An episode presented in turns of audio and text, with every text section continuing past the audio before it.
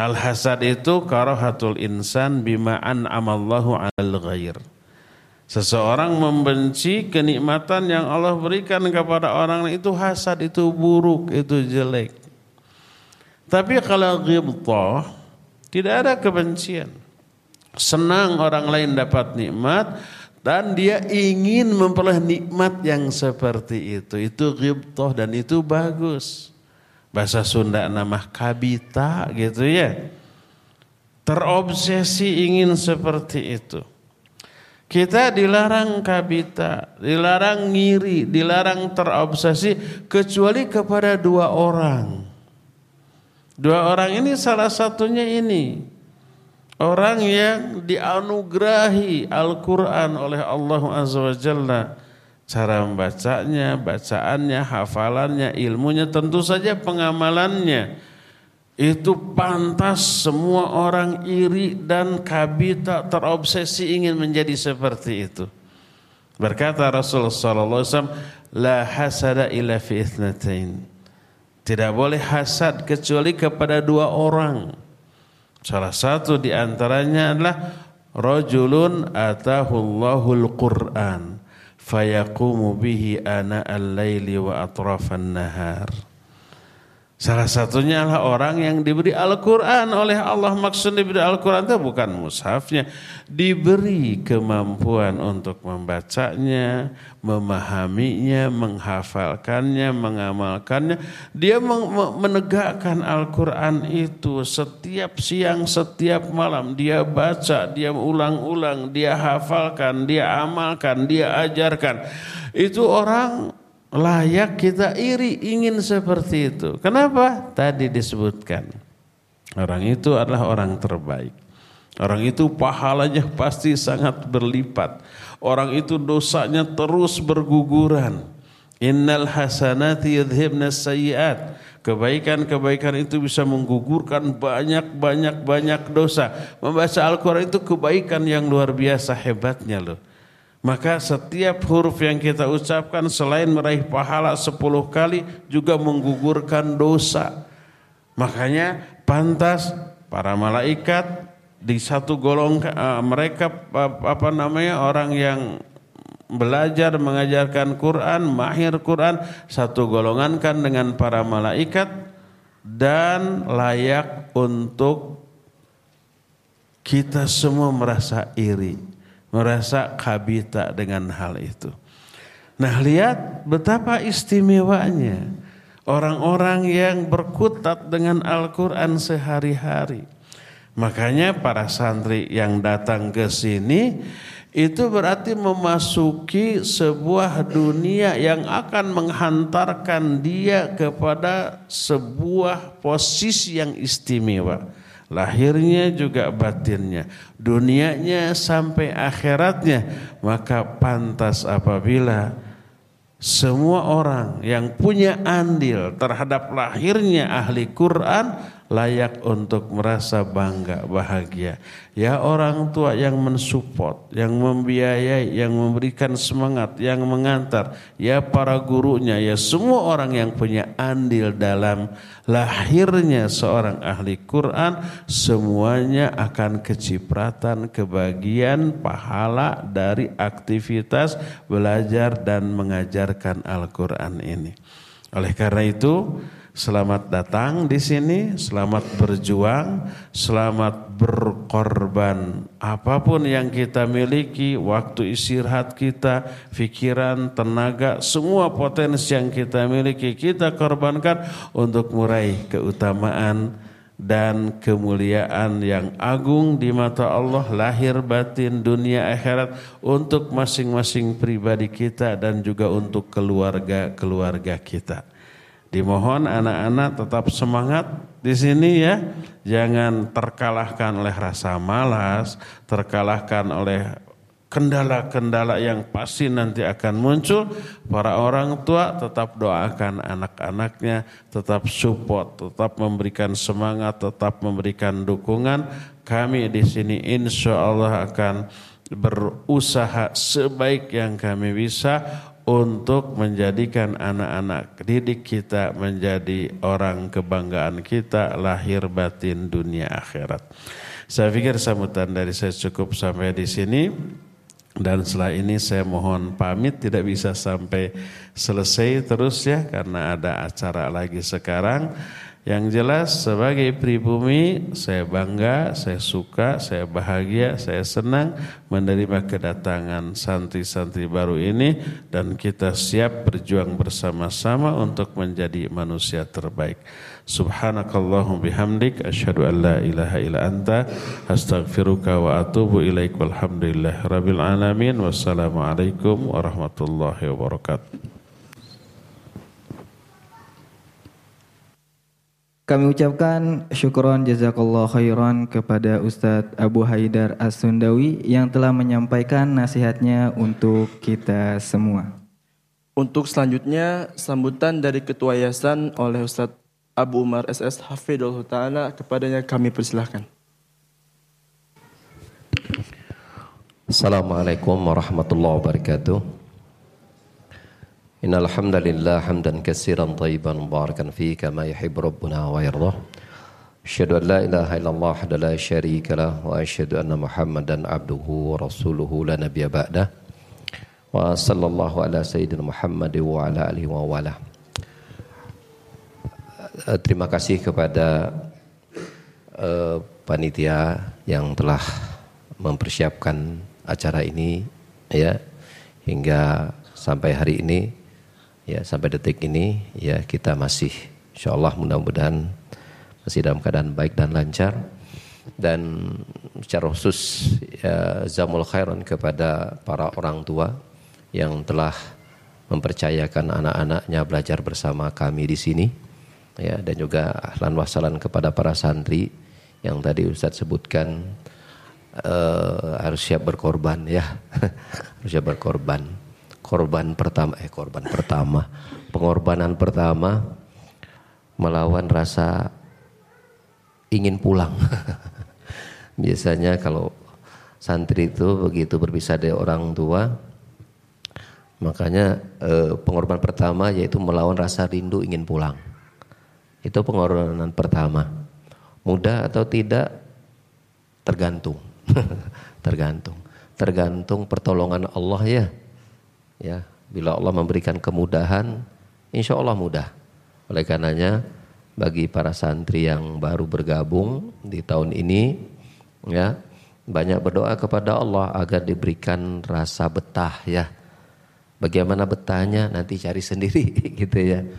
Namun kami dari pihak yayasan ya informasi kepada Bapak dan Ibu-ibu uh, lebih tentu berbicara kepada melengkapkan dan menyempurnakan dan mengevaluasi kekurangan dari fasilitas-fasilitas yang semampu yang bisa kami usahakan. Dan alhamdulillah untuk tahun ini hampir secara umum 90 mungkin lebih ke 95 persen ya gitu.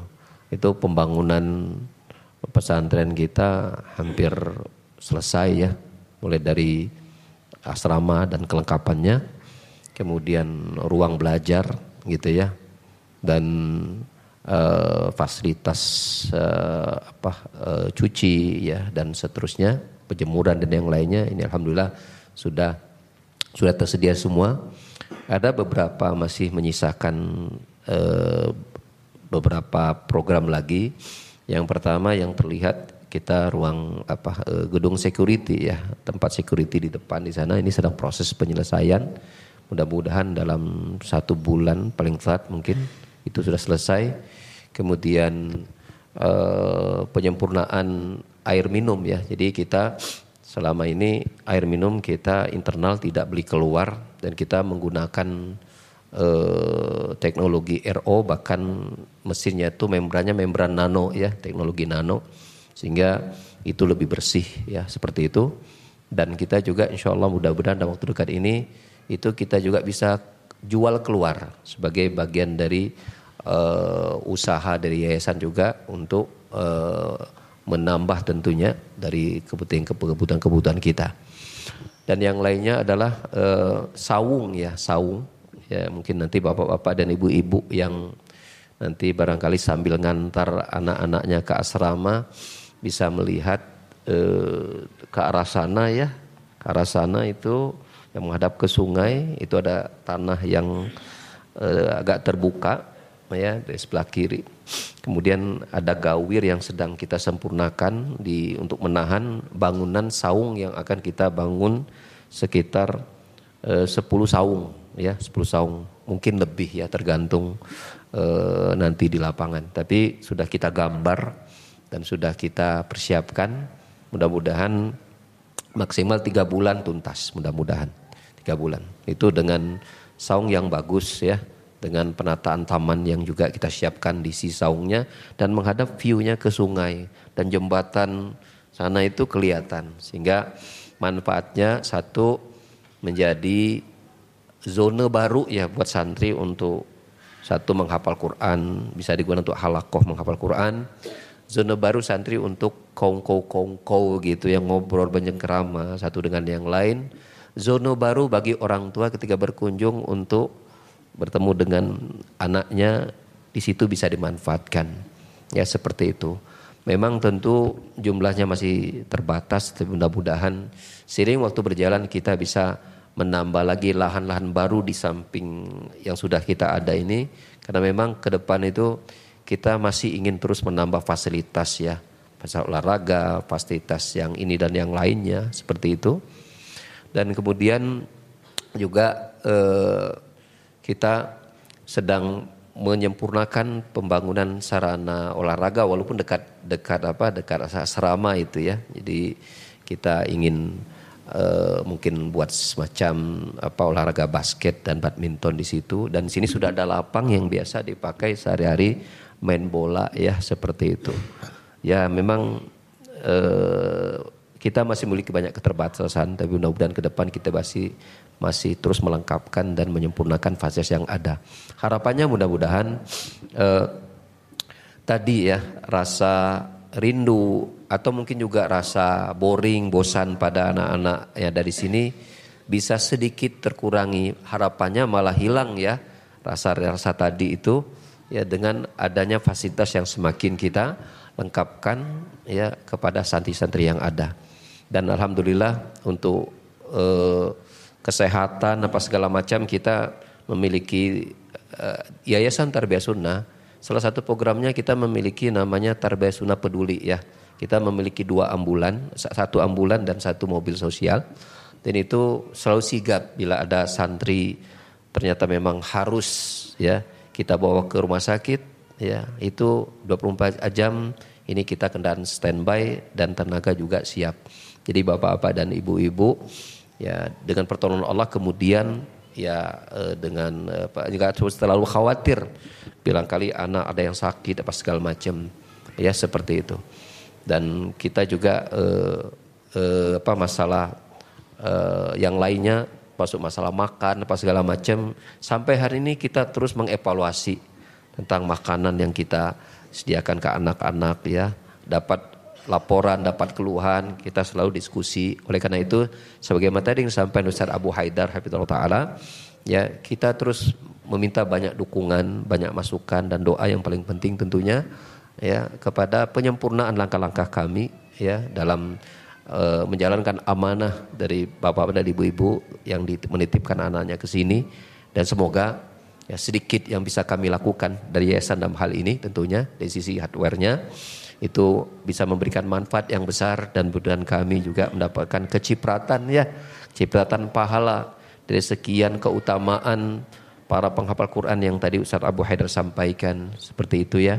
Dan semoga Allah Subhanahu wa taala ya jadikan semua usaha kita bapak-bapak dan sebagai orang tua kami sebagai uh, apa yang diamanahkan ya itu mendapatkan uh, kebaikan ya dan keutamaan dan kita bersama dikumpulkan oleh Allah Subhanahu wa taala dan bersama orang yang kita sayangi di surganya. Amin. Allahumma amin. Assalamualaikum khairan wa jami'an. Assalamualaikum warahmatullahi wabarakatuh.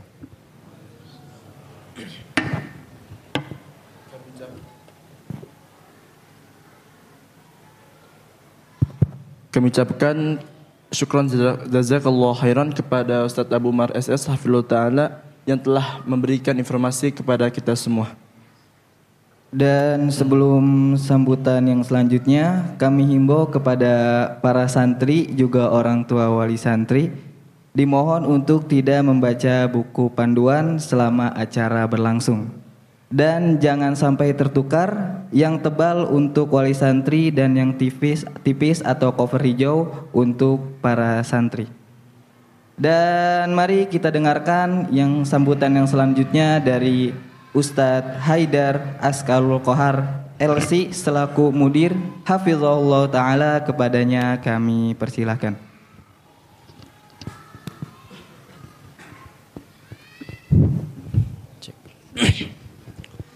Bismillahirrahmanirrahim. Assalamualaikum warahmatullahi wabarakatuh. Alhamdulillahi rabbil alamin. Wassalatu wassalamu ala rasulil amin Nabiyil karim Muhammadin wa ala alihi wa sahbihi ajma'in Amma ba'd Subhanaka la ilma lana illa ma'allamtana innaka antal alimul hakim Rabbi syrah li sadri wa yassir li amri wahlul 'uqdatam min lisani yafqahu qawli Alhamdulillah kita bersyukur kepada Allah Subhanahu wa taala yang telah memberikan segala kebaikan, yang telah memberikan segala kenikmatan dan juga karunia-Nya kepada kita. Dengan tanpa hentinya diberikan kepada kita semua. Sehingga di kesempatan pagi hari ini Allah Subhanahu wa taala masih memberikan kepada kita semua kesehatan. Ya nikmat sehat, kemudian nikmat rasa aman dan juga kenikmatan yang lainnya sehingga kita bisa berkumpul di kesempatan yang baik yang mudah-mudahan Allah Subhanahu wa taala berkahi. Bapak Ibu sekalian, para wali santri juga para santri baru Ma'had Tahfidzul Quran Tarbiyah Sunnah rahimani Allah wa iyyakum jami'an. Pertama-tama mungkin uh, saya sebagai penanggung jawab Ma'had mengucapkan ahlan wa sahlan wa marhaban bikum. Selamat datang di tempat kami. Kami betul-betul menyambut para santri sekalian juga para walinya. Secara khusus mungkin bagi para santri baru ya yang insya Allah kami sambut sebagai anggota keluarga baru. Sekali lagi kami ucapkan Barakallahu fikum jami'an. Ahlan wa sahlan wa marhaban bikum jami'an. Uh, kemudian berikutnya kami juga uh, ingin menyampaikan banyak-banyak terima kasih ya kepada uh, seluruh hadirin para wali santri, para santri sekalian kepada para asatidah atas kesempatan untuk berbicara di pagi hari ini di agenda yang baik ini ya. Juga mengucapkan banyak-banyak terima kasih lagi kepada para wali santri sekalian uh, atas kepercayaannya ya atas kepercayaan Bapak Ibu sekalian kepada kami untuk mengampu pendidikan para putranya di ma'had kami di sini. Tentu saja uh, ini merupakan amanah yang tidak ringan ya. Amanah yang uh, tidak mudah sehingga sangat-sangat dibutuhkan kerjasama, sangat-sangat dibutuhkan dukungan, sangat-sangat dibutuhkan doa dari kita semua, dari berbagai pihak. Ya, usaha yang maksimal dari kita sebagai penyelenggara ma'had, usaha yang maksimal juga doa ataupun dukungan yang lainnya daripada dari para wali santri sekalian ataupun orang-orang e, di sekitar kita atau para hadirin sekalian semua. Bapak Ibu sekalian rahimani Allah wa iyyakum jami'an. Alhamdulillah sebetulnya agenda pertemuan wali santri e, angkatan ketiga ini adalah e, terlaksana pertama kali dengan cara offline ya atau tatap muka secara langsung. Karena dua tahun sebelumnya ya karena kita tahu bersama kendalanya ya e, tidak boleh ada kerumunan dan yang lain sebagainya sehingga kita menyelenggarakan pertemuan para wali dengan pengurus ma'had itu dengan cara online ya. Jadi ini kali pertama eh, agenda pertemuan wali santri dengan para pengurus ma'had dan juga yayasan dengan cara tatap muka seperti ini. Walhamdulillahi ala kulli hal. Bapak Ibu sekalian rahimani Allah wa iyyakum jami'an. Kesempatan kali ini eh, saya mohon izin untuk menyampaikan gambaran program yang dimiliki oleh ma'had secara umum saja. Mungkin tidak terlalu mendetail ya nanti e, seiring berjalannya waktu insya Allah bisa difahami e, bersama. Dan di akhir juga nanti mungkin siapa tahu ada pertanyaan-pertanyaan ya yang mungkin membutuhkan informasi kita insya Allah akan buka juga sesi tanya jawab. Bapak Ibu sekalian rahimani Allah wa iyyakum jami'an Ma'had kita Ma'had Tahfidzul Quran Tarbiyah Sunnah adalah lembaga pendidikan yang mengacu kepada pendidikan Al-Qur'anul Karim secara umum.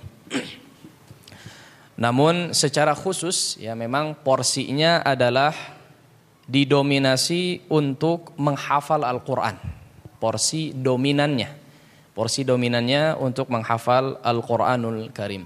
Kami mencoba untuk menargetkan ya setiap santri itu mudah-mudahan target maksimalnya adalah hatam atau hafal 30 juz dalam kurun waktu 3 tahun.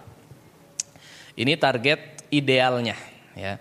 Ini target idealnya jadi 30 juz selama 3 tahun dengan program-program yang sudah ditentukan yang insya Allah ini sudah dimusyawarahkan ya berdasarkan musyawarah berdasarkan pengalaman berdasarkan diskusi pembelajaran dari para guru dan seterusnya ya. Namun yang juga perlu diketahui bahwa program-program yang ada yang sudah ditetapkan atau sudah berjalan sekalipun ini tentu saja eh, akan menyesuaikan juga dengan kemampuan si anak ya.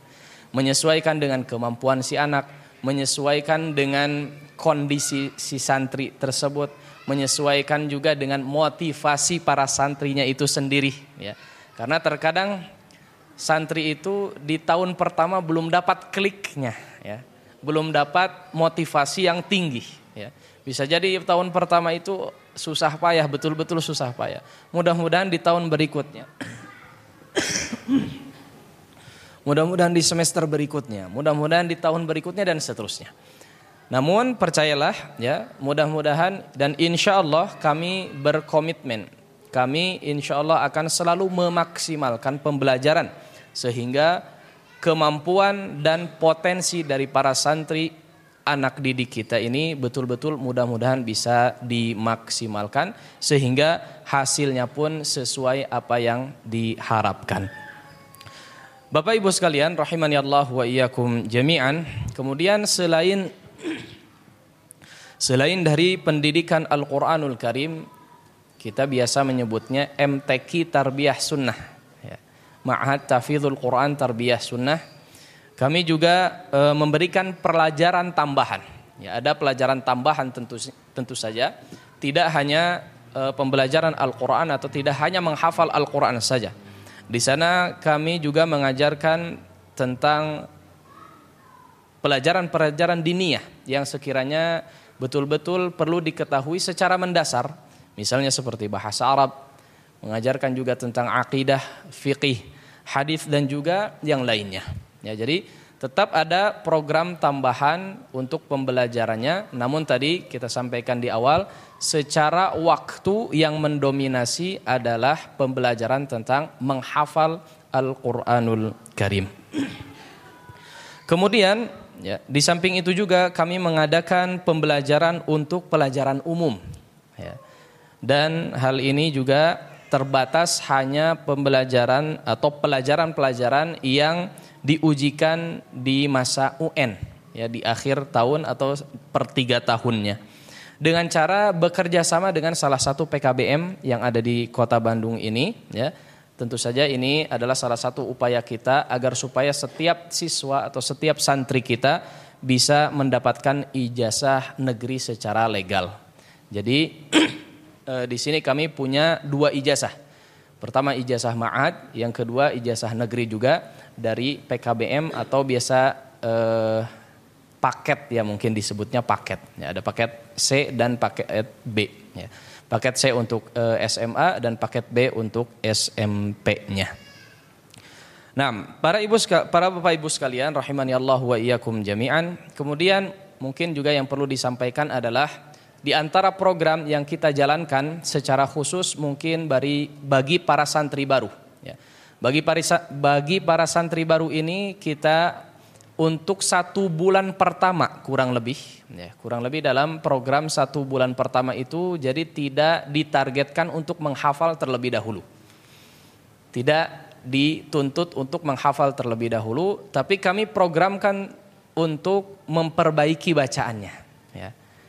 Jadi seperti yang sudah eh, dijalankan mungkin bagi para santri sekalian ketika ujian, ya jadi ada seleksi di sana tentang e, bagaimana membaca Al-Qur'an ya kita lihat di situ kita nilai di situ sampai di mana kemampuannya ya kemudian juga e, dilihat dari sisi kemampuan menghafal ini juga jadi pertimbangan diterimanya para santri sekalian ya.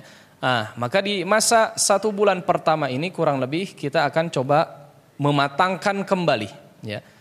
E, meningkatkan kembali kemampuan dalam membaca Al-Qur'anul Karim karena secara umum dalam menghafal Al-Quran secara khusus, ya, secara khusus dalam menghafal Al-Quran itu tidak boleh langsung menghafal. Ya. Jadi tingkatannya itu adalah perbaikan bacaan, lancar membaca, baru kemudian boleh menghafal. Itu tingkatan dalam menghafal Al-Quran. Kalau bacaan masih berantakan, langsung menghafal ini repot. Ya. Bahkan tidak direkomendasikan seperti ini. Jadi perbaikan bacaan, kemudian bacanya sudah lancar, baru boleh untuk meng menghafal. Ya. Namun nanti kita sudah programkan, ya ada tingkatan-tingkatannya. Mungkin bagi para santri, tadi kita sampaikan, secara kemampuan akan berbeda-beda, sehingga mungkin ada yang uh, belum masuk ke level apa menghafal, ada yang masih perbaikan bacaan, ya. Namun itu sudah diprogramkan. Ya, ada level tertentu, ada titik tertentu, ada kompetensi di mana santri itu sudah layak menghafal meskipun bacaannya belum sempurna. Ya. Nah, namun ada metode-metode tertentu yang juga kita jalankan dan sudah diprogramkan. Baik, para bapak ibu sekalian, rahimani Allahu wa iyyakum jami'an. Kemudian izinkan saya juga untuk menyampaikan mungkin beberapa hal yang perlu diketahui kita bersama ya sebagai para pendidik. Ya. Jadi salah satu hal yang salah satu penunjang mungkin ya. Salah satu penunjang agar supaya tercapainya kesuksesan dalam pendidikan seorang anak adalah sangat dibutuhkannya kerjasama antara para wali dengan para gurunya. Ya. Ini sangat dibutuhkan. Jadi para wali sekalian, ya para bapak ibu sekalian, ketika menyekolahkan anaknya di sebuah lembaga pendidikan itu bukan berarti apa? Culjen begitu saja ya. Jadi diantep melimpahkan secara total kepada pihak lembaga pendidikan. Tidak demikian ya. Hakikatnya tidak demikian. Tapi sangat membutuhkan kolaborasi, sangat membutuhkan kerjasama antara kita. Ya. Nah, ini kalau dibahas menjadi kajian sendiri mungkin ya agak panjang. Namun di antara hal yang ingin saya coba tegaskan di kesempatan kali ini adalah paling tidak di antara bentuk kerjasama antara pengelola ma'had dengan para wali santri sekalian adalah kami sangat berharap untuk para wali mengikuti aturan yang ada di ma'had. Ya. Mengikuti aturan yang ada di ma'had dan mendukung aturan yang ada untuk diterapkan kepada anak-anak didik kita. Ya. Nah, seperti aturan-aturan yang mungkin e, sering kita jumpai di beberapa pesantren ya. Aturan misalnya kita punya santri memang yang rumahnya itu tidak jauh ya. Bahkan ada yang di kompleks sini rumahnya itu. Ya. Kita melarang ada aturan misalnya tidak boleh pulang ke rumah ya liburan atau pulang ke rumah itu ada waktunya. Kemudian ada yang mungkin colongan-colongan ya santri itu kadang memang harus diingatkan terus. Dia ternyata pulang. Nah, para waris santri ini harus diingatkan. Nah ini benar nggak izin enggak pulang. Nah, ini jangan malah apa? Ayo pulang dulu ya atau diajak kemudian bahkan cenderung menyembunyikan diberikan fasilitas ini dan itu dipersilahkan nonton TV main gadget dan seterusnya. Padahal secara aturan nah ini tidak diperbolehkan. Ya ini ini salah satu bentuk kerjasama kita ya. Ini salah satu bentuk kerjasama kita. Di antaranya juga ya ketika misalnya penjengukan kita punya jadwal paling tidak satu bulan sekali ya eh, jadwal penjengukan para santri itu kita juga larang untuk meminjamkan handphone kepada para santri, para walinya ini. Ini masih sering terjadi kecolongan juga. Nah, ini salah satu bentuk kerjasama. Ya. Sehingga santri yang misalnya tidak sedang dalam eh, apa penjengukan oleh para walinya, ini ada kecemburuan.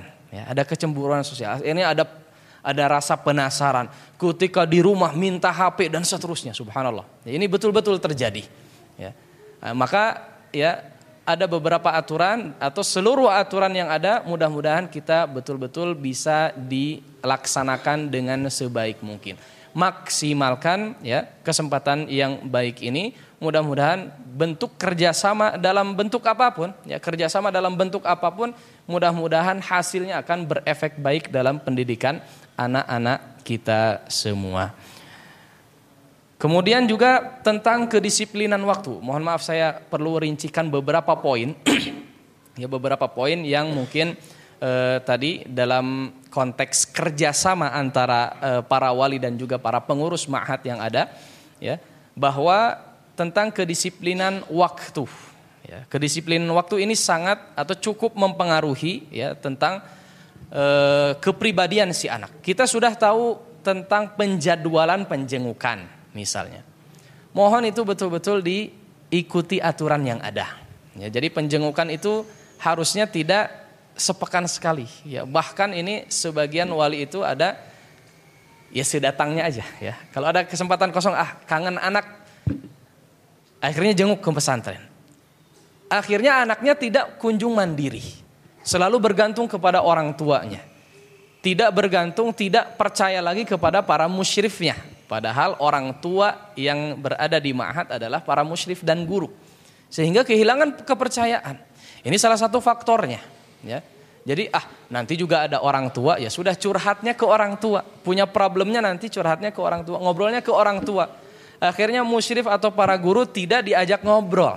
Sehingga para guru tidak terlalu mengenal ya apa yang dirasakan oleh si santri, apa yang dialami oleh si santri tidak terlalu mengenal. Ya, nah, maka ini salah satu efeknya dari apa?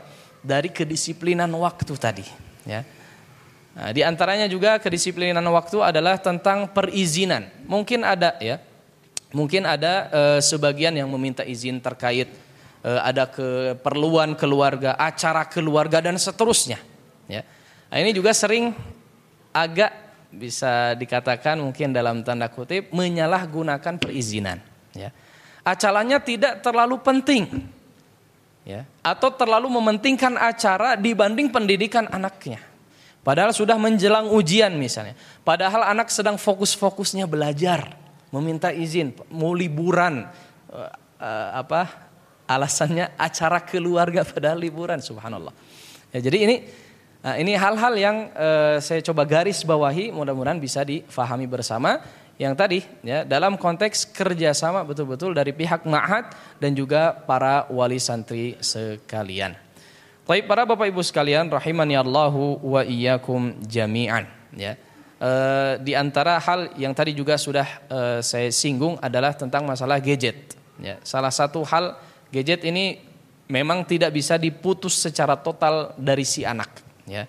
Tapi dengan kita memberikan tanpa monitor ya, tanpa kontrol dari kita itu juga sangat berbahaya ya bagi si anak. Apalagi anak-anak kita di usia yang sedang eh, apa rasa penasarannya itu tinggi subhanallah ya. Jadi ini perlu betul-betul dikontrol mudah-mudahan jadi perhatian bersama. Para Bapak Ibu sekalian rahimani Allah wa iyyakum jami'an ya Akhirnya saya juga mewakili ya eh, penanggung jawab ma'had pesantren. Sekali lagi berterima kasih banyak kepada para wali santri sekalian atas kepercayaan yang diberikan kepada kami. Juga lagi-lagi sekali lagi mohon dukungan ya kerjasama kemudian dukungan apa pun dan juga dukungan doa kepada kami semua yang ada di sini. Juga kepada para anak-anak didik kita agar supaya pendidikan yang dijalankan di ma'had kita ini betul-betul berjalan secara optimal sehingga menghasilkan anak-anak yang salih dan juga bisa berbakti kepada kedua orang tuanya, bermanfaat bagi umat dan juga bangsanya. Demikian mungkin yang bisa disampaikan uh, di kesempatan pagi hari ini. Kurang lebihnya saya mohon maaf. Wassalamualaikum warahmatullahi wabarakatuh. Kami ucapkan jazakallah khairan kepada Ustadz Haidar Askarul Kohar LC yang telah menyampaikan informasi dan juga nasihatnya untuk kita semua. Dan untuk selanjutnya kita masuk ke sesi tanya jawab. Jadi kepada para wali santri ataupun santri yang ingin bertanya bisa bertanya di sesi tanya jawab ini. Dan untuk panitia mohon bantuannya untuk memberikan mic kepada penanya. Baik, kami persilahkan.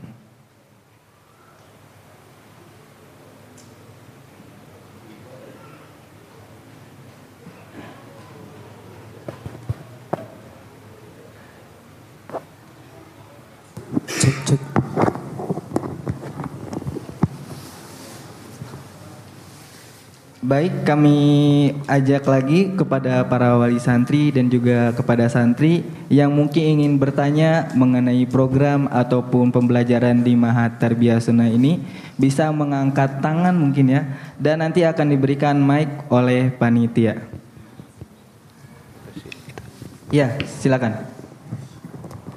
Bismillahirrahmanirrahim. Assalamualaikum warahmatullahi wabarakatuh. Waalaikumsalam warahmatullahi wabarakatuh uh, izin bertanya, uh, kan selama santri selama tiga tahun belajar menghafal ya, uh, menghafal Quran. Uh, setahu mungkin bisa dikoreksi kalau saya keliru. Tapi kan uh, santri itu harus dipahamkan dulu, dipahamkan juga tentang artinya. Jadi ada kekhawatiran saya uh, santri menghafal banyak tetapi sebenarnya tidak mengerti. Uh, itu kan? Kenapa? Ya. Ada kekhawatiran saja pada saat santri uh, hafalannya banyak tetapi uh, pemahaman tentang agama eh, tentang isinya kurang. Nah, Ustaz uh, mau bertanya apakah uh, ada jadwal khusus uh, santri untuk belajar tafsirkah atau apa yang uh, santri itu bisa paham isinya Quran gitu. Syukran. Assalamualaikum warahmatullahi wabarakatuh. Baik, barakallahu fikum. ya, uh, tadi memang ada kekhawatiran ya bahwa santri itu hafalannya banyak tapi nggak paham gitu ya isi Al-Qur'annya. Baik. Uh, yang pertama mungkin perlu difahami juga adalah bukan merupakan syarat untuk menghafal itu adalah faham dulu maknanya. Itu bukan syarat, ya. Bukan syarat menghafal, saya ulangi, bukan syarat menghafal ya santri itu harus atau seorang mukmin mungkin ya atau seorang muslim bukan syarat untuk menghafal faham maknanya dulu bukan itu yang yang perlu difahami pertama. Kemudian yang kedua, tentu saja kalau untuk pembelajaran tentang upaya memahami isi kandungan Al-Qur'an itu ada, Pak. Dan alhamdulillah porsinya cukup banyak. Ada pelajaran tafsir, ada pelajaran usul tafsir, ada pelajaran penerjemahan Al-Qur'an juga ada insya Allah. Ya, jadi ada salah satu upaya untuk memahami Al-Qur'an juga adalah mempelajari bahasa Arab. Ya. Nah, di situ juga ada. Jadi untuk level SMP itu ada juga pembelajaran tentang menghafal arti minimalnya ya. Minimalnya hafal arti seperti misalnya surat-surat pendek, surat Al-Fatihah, surat-surat pendek dan surat yang lainnya itu juga ada. Itu merupakan salah satu upaya ya agar supaya e, si anak tidak hanya menghafalkan saja tapi juga ada e, kegiatan atau pembelajaran untuk memahami isi kandungan Al-Qur'an. Baik. Demikian barakallah. Mungkin Ustaz Abu Marna. Eh, ya, eh, kita semua sebagai orang tua pasti menginginkan anak kita yang terbaik ya, terbaik. Jadi tentu tadi harapan dari bapak yang bertanya dan kita semua mungkin sebagai orang tua, anak juga punya eh, apa, punya wawasan dan pengamalan dari apa yang sudah dia baca. Eh, tentu tentu tidaklah mungkin 30 juz misalnya dihafal kemudian dia paham semua tafsirnya. Itu mah belum tentu ustaznya juga bisa begitu gitu ya. Tapi paling tidak ada beberapa bagian dari isi Al-Qur'an itu yang memang itu ada diajarkan gitu kan. Ada diajarkan. Dan di sini kita juga ada kajian di masjid khusus untuk para santri. Jadi ada beberapa pelajaran yang diajarkan di kelas. Ada pelajaran sifatnya kajian pembinaan. Itu diisi juga oleh Ustaz Abu Haidar di tiap Jumat subuh dan diisi sama saya di Rabu pagi. Nah, materi itu diharapkan bisa memba kita lebih mengarahkan kepada anak-anak eh, kesadarannya untuk senang beribadah, mengembangkan akhlak mulia. Nah untuk jeroanana maksudnya bagian kedam untuk paham Allah Maha Besar, Allah dia rasa takut itu sangat dalam banget ya kalau udah ke ke situ-situ ya. Nah tentu ini tentu berproses. Jangankan untuk ukuran anak-anak santri, orang dewasa saja perlu kita masih masih perkara yang cukup rumit kualitas sampai sampai seperti itu. Bila kita bicara tentang mana tafsir dan paham isi akan Al-Quran. Oleh karenanya tentu target-target yang diharapkan tadi dari pertanyaan tadi tentu sebatas yang bisa kita lihat ini sangat dibutuhkan. Ya seperti tadi ya sholat. Contoh sadar dia hafal ayat tentang akimus gak akan sholat.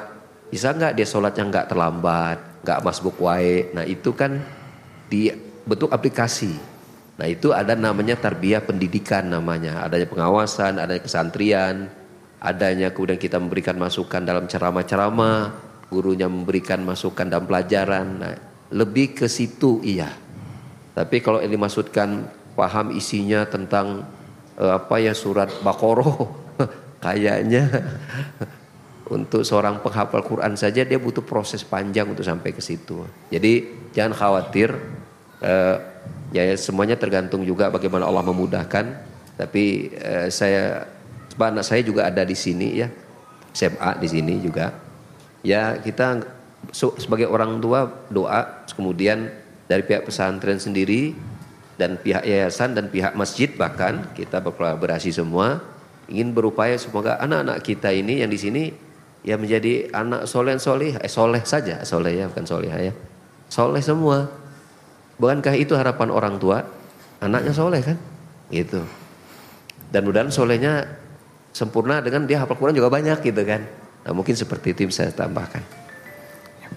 Ya, eh, kami ucapkan jazakallah khairan kepada wali santri yang sudah bertanya dan kami ucapkan jazakallah khairan juga kepada ustadz yang sudah menjawab.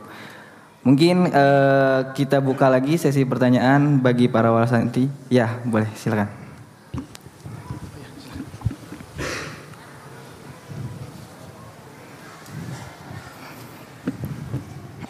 Assalamualaikum warahmatullahi wabarakatuh.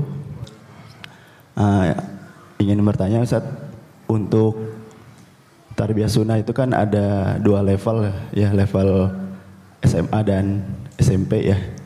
Nah, saya ingin pertanyakan untuk pelajaran diniyahnya Ustaz, itu apakah di awal sudah dipisahkan untuk diniyah SMP dan SMA atau ada pengujian lagi yang mana dia akan memisahkan sebagaimana pemahaman anak. Jadi bisa jadi uh, anak SMP itu bergabung dengan anak SMA untuk kediniahnya. Ada pemisahan di awal ataukah ada tes lagi untuk melihat kemampuan pemahamannya? Syukran. Baik. Untuk uh, udah ada pembeda atau perbedaan jenjang ya.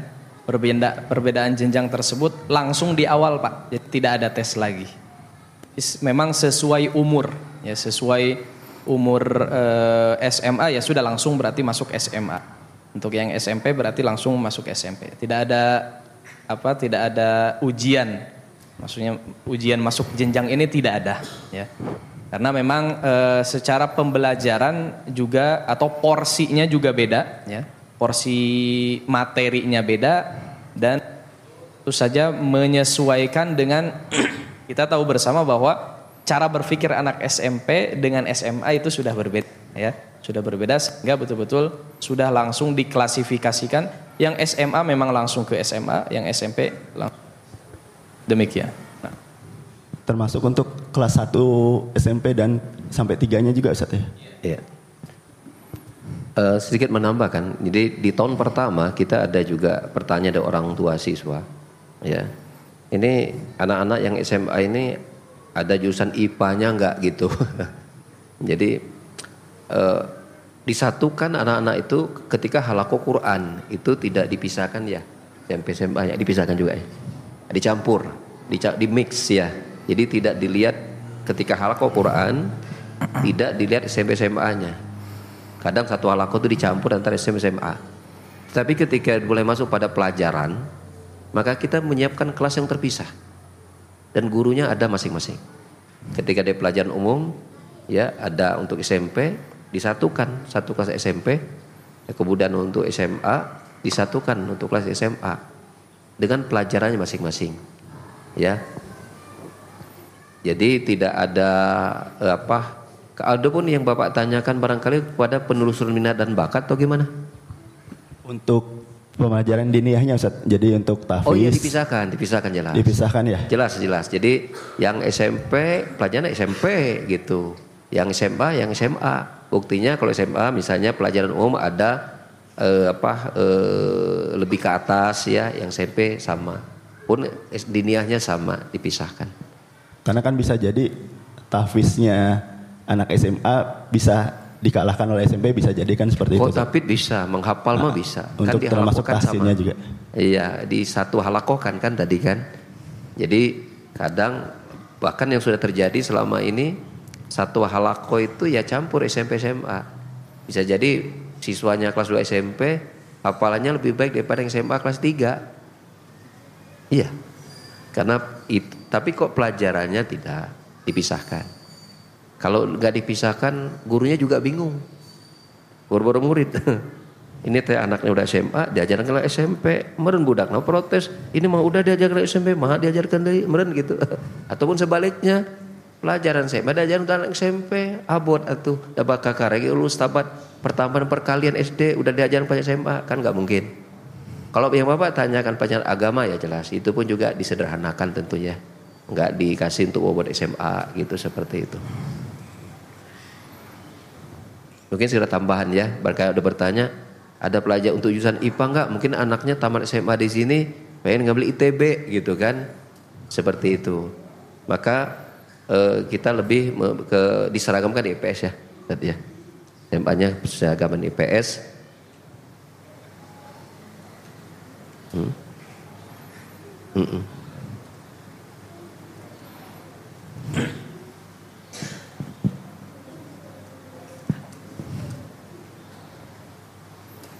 Iya.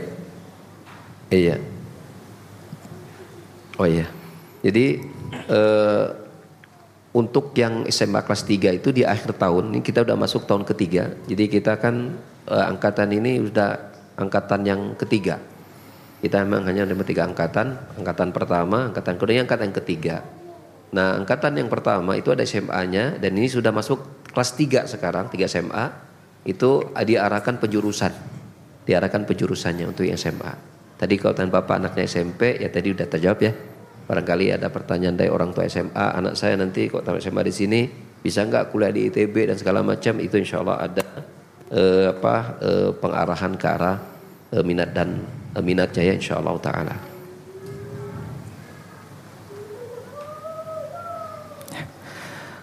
Ya, kami ucapkan jazakallah khairan kepada wali santri yang sudah bertanya dan juga uh, jazakallah khairan kepada ustadz yang sudah menjawab.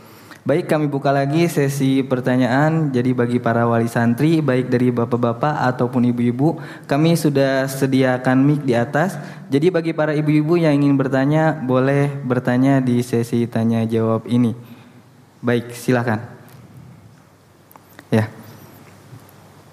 Mic-nya. Ya.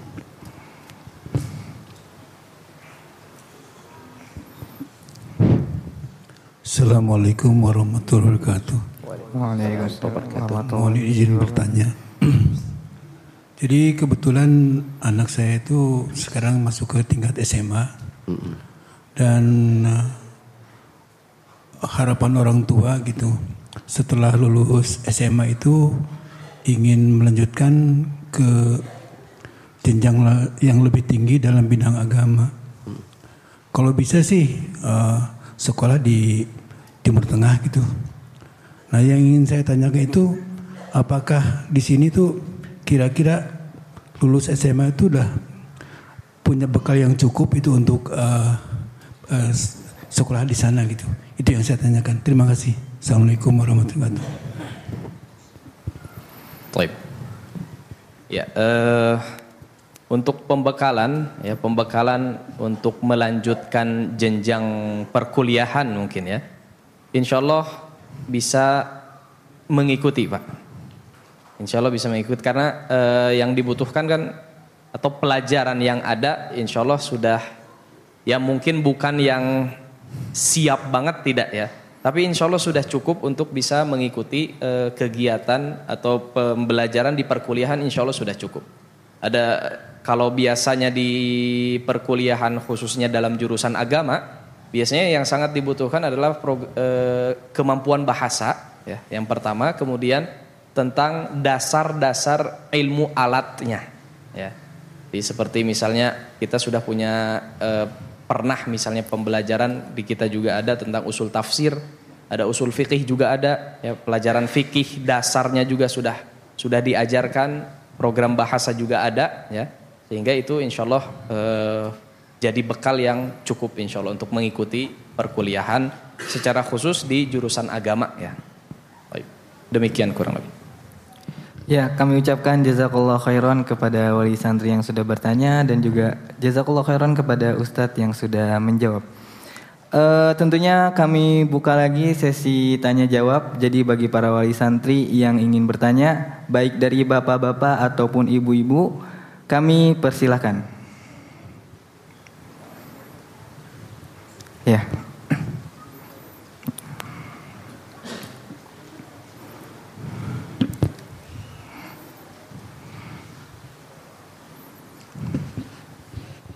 Bismillahirrahmanirrahim. Assalamualaikum warahmatullahi wabarakatuh. Waalaikumsalam warahmatullahi wabarakatuh. Eh, yang ingin ditanyakan untuk tingkat SMP itu pas eh, apa umumnya belum pada balik gitu ya. Dan mungkin bisa jadi di ketika di pondok ini mengalami akil apa baliknya gitu. Nah, apakah ada kajian khusus dari pondok untuk eh, apa balik ini gitu? Apa aja yang harus di ini? Terus yang kedua mengenai ini kan ada ada SMA, ada SMP yang udah lanjut itu ya tingkatnya. Apakah ada senioritas atau ya mungkin segitu aja. Syukran jazakallah khair. Baik.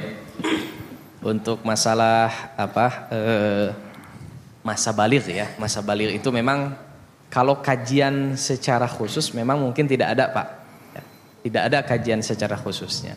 Tapi memang nanti ada pembahasan di eh, pelajaran fikih tentu saja. Itu ada pembahasannya ya eh, di bab toharoh masih di bab toharoh itu masih sudah diajarkan. Bahkan eh, bab toharoh itu kan di awal-awal pembelajaran fikih ya. Nah, insya Allah berarti secara tidak langsung sudah diajarkan ya, sudah diajarkan. Nah, itu eh, yang pertama. Di sisi lain ya di sisi lain tentu saja kita setiap asrama itu setiap asrama itu jadi ada e, pembinanya, ada musyrif yang mendampingi setiap asrama. Jadi kalau misalnya ada kondisi-kondisi yang memang membutuhkan arahan, nah, jadi insya Allah e, para musyrif yang ada di asrama itu insya Allah siap. Ya. Itu yang pertama. Yang kedua eh, tentang senioritas tadi maksudnya ke mana ini ya? Saya nggak terlalu paham. Senioritas itu maksudnya dari arahnya ke mana? Apakah pembulian atau apa? Ya eh, apa ya senioritas biasanya kalau di sekolah-sekolah gitu kan merasa senior tuh gimana gitu tidak mengayomi ke yang junior lah gitu. Gitu. Iya. Baik. Eh, ini menurut eh, sependek pengetahuan saya mungkin ya baca-baca kemudian pengalaman di beberapa sekolah juga bahwa kita kalau bahasa sekarang itu bullying itu di mana-mana itu pasti ada.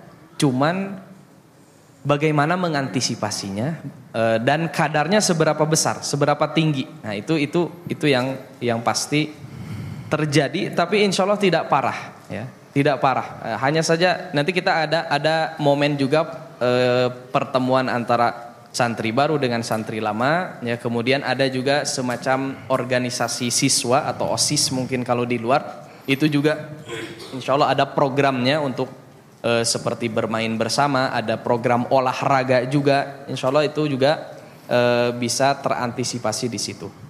Eh, di sisi lain juga, ya di sisi lain juga, insya Allah kontrol ya terkait hal yang tidak diinginkan oleh kita semua, karena musyrif itu tadi banyak, ya jadi insya Allah kontrol itu lebih mudah, ya. Itu eh, mungkin saja terjadi ya. Kalau yang sudah-sudah, alhamdulillah tidak ada terjadi yang betul-betul serius ya. Bahkan level yang parah parah itu nggak ada ya. Paling cuman eh, apa senggol-senggolan aja yaitu perkenalan mungkin sampai berkelahi eh, alhamdulillah pernah terjadi ya. Tapi tidak sampai level yang parah sampai gulat begitu insya Allah tidak ada ya. Jadi eh, hal tersebut menurut saya masih wajar ya. Jadi levelnya wajar tidak ada yang parah tidak ada yang betul-betul serius ya. Hanya mungkin ya anak-anak sedang perkenalan saja. Insya Allah tidak ada eh, masalah yang serius. Demikian kurang lebih. Ya, kami ucapkan jazakallah khairan kepada wali santri yang sudah bertanya dan juga jazakallah khairan kepada ustadz yang sudah menjawab.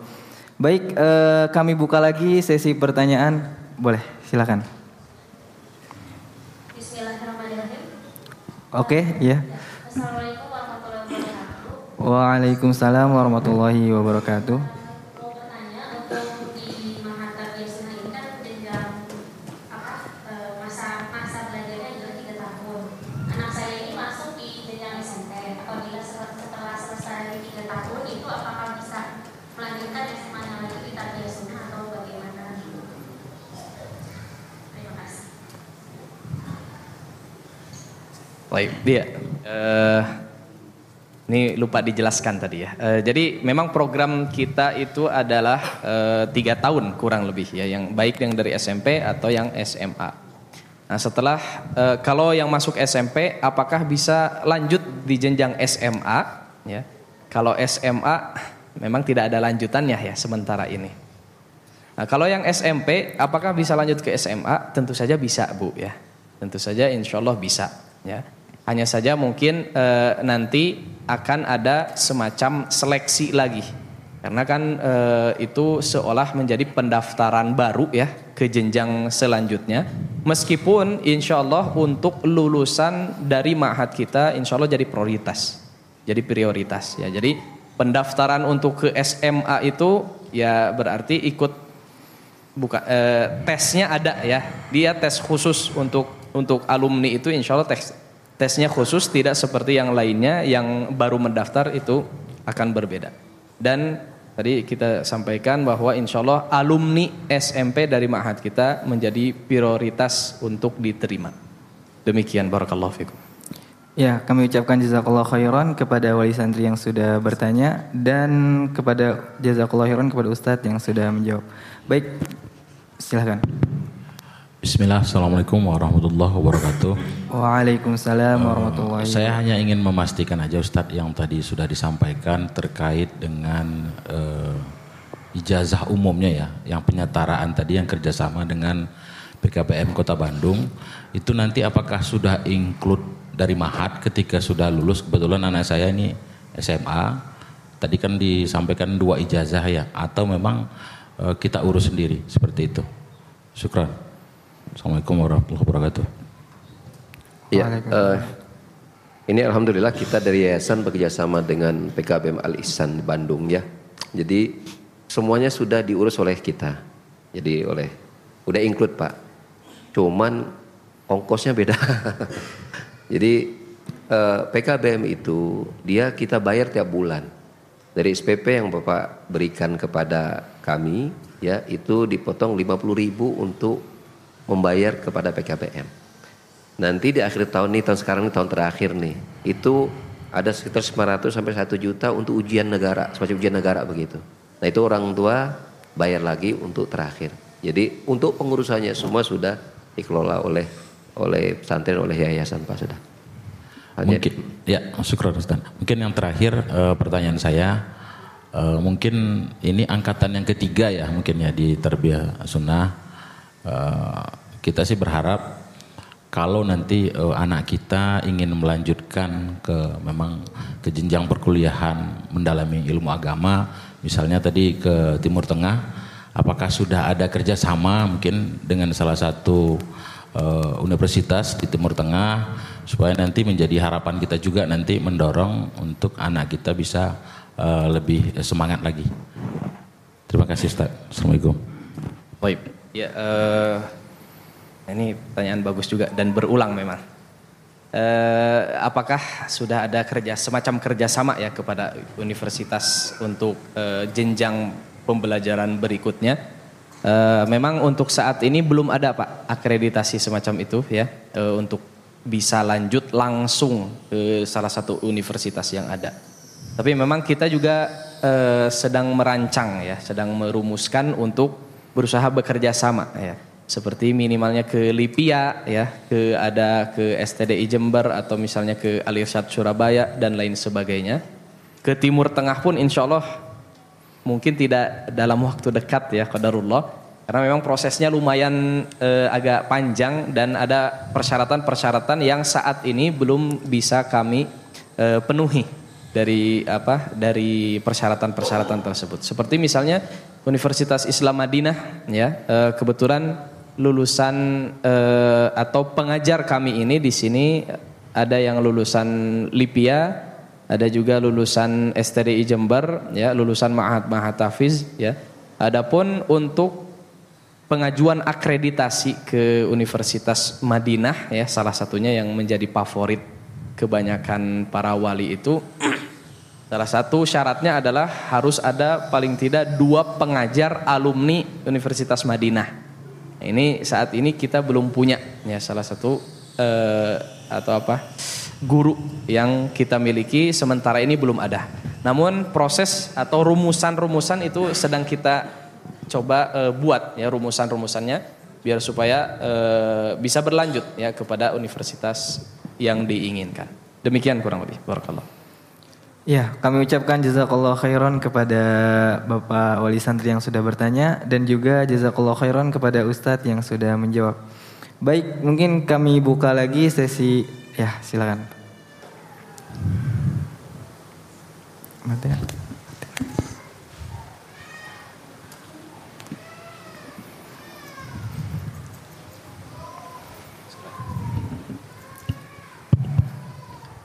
Bismillahirrahmanirrahim. Assalamualaikum warahmatullahi wabarakatuh. Waalaikumsalam Bertanya warahmatullahi wabarakatuh. eh, tadi pertanyaan dari Umu melanjutkan pertanyaan tadi tentang eh, apa melanjutkan jenjang pendidikan saya dari SMP ke SMA. Ini menarik. eh, jadi ada yang ingin anda tanyakan terkait tentang program lanjutan setelah dari SMP ke SMA. Tadi titik pembelajaran di sini atau pendidikan di sini itu menghafalkan Al-Quran 30 juz. Ini kalau programnya tiga tahun sudah selesai, misalnya si anak eh, sudah 30 juz dalam waktu tiga tahun. Nah ini kira-kira jenjang lanjutan masuk ke SMA, ini kalau memang diterima di sini, ini programnya seperti apa? Kalau misalnya memang kalau si anak belum selesai, ini bisa dilanjutkan. Tapi kalau kira-kira si anak ini telah selesai 30 juz, ini mohon penjelasannya, mohon gambarannya kira-kira program Al-Quran apa yang nanti bisa diterima oleh si anak. Mungkin itu, terima kasih. Khairan. Baik. Iya. Eh, ada mungkin kondisi di mana misalnya si anak san- eh, santri ini masuk di jenjang SMP, kemudian tiga tahun alhamdulillah berjalan dengan baik sehingga bisa menyelesaikan 30 juz hafalan Al-Qur'annya. Kemudian dia ingin melanjutkan ke tingkatan SMA di sini. Bagaimana program Al-Qur'annya? Begitu Pak ya. baik. Iya, program Al-Qur'an ini sebetulnya banyak, Pak ya. Jadi tidak hanya sekedar menghafal saja, ya. E, sebetulnya tiga tahun ini saya coba e, kasih catatan juga. Tiga tahun ini sebetulnya plus murojaah. Ya, jadi tiga tahun itu bukan cuman lewat hafal saja. Kemudian ada program murojaah, tidak. Kita usahakan tiga tahun itu mudah-mudahan mutkin dengan program yang ada. Nah, kemudian bagaimana kalau misalnya katakanlah eh, program ini alhamdulillah sudah maksimal dalam kurun waktu tiga tahun selama jenjang SMP. Di SMA nanti ada memang program tambahan untuk jenjang SMP atau bagi yang sudah menyelesaikan hafalan dan ini sudah sudah terjadi juga sebetulnya. Ada yang sudah selesai hafalan, kemudian program lanjutannya apa? Di antaranya adalah program mengenal ilmu qiraat. Ya, jadi santri kita eh, di antara santri kita sudah ada yang menyelesaikan bahkan sudah menyetorkan hafalannya itu selama empat kali, 30 juz empat kali. Kemudian kita uji sekali duduk atau eh, dalam kurun dua hari ya dua hari 30 juz dia baca hafalannya ini juga sudah berjalan. Ya, ini juga sudah berjalan. Kemudian eh, kita kasih tadi program untuk mengenal ilmu qiraat membaca Al-Quran dengan riwayat yang lainnya ini juga sudah kita ajarkan dan sudah berjalan. Ya, ini salah satu program dan ini kalau sudah mengenal ilmu qiraat ini lebih luas lagi ya. Bahkan 10 tahun pun belum tentu habis ya pembelajarannya. Jadi tenang saja ya insya Allah masih ada program-program lanjutannya yang masih bisa insya Allah kita jalankan. Baik, demikian barakallahu. Ya, kami ucapkan jazakallah khairan kepada Bapak Wali Santri yang sudah bertanya dan juga jazakallah khairan kepada Ustadz yang sudah menjawab. Ya, mungkin kita buka lagi untuk sesi tanya jawab bagi para wali santri baik dari ibu-ibu ataupun bapak-bapak yang ingin bertanya, kami persilahkan.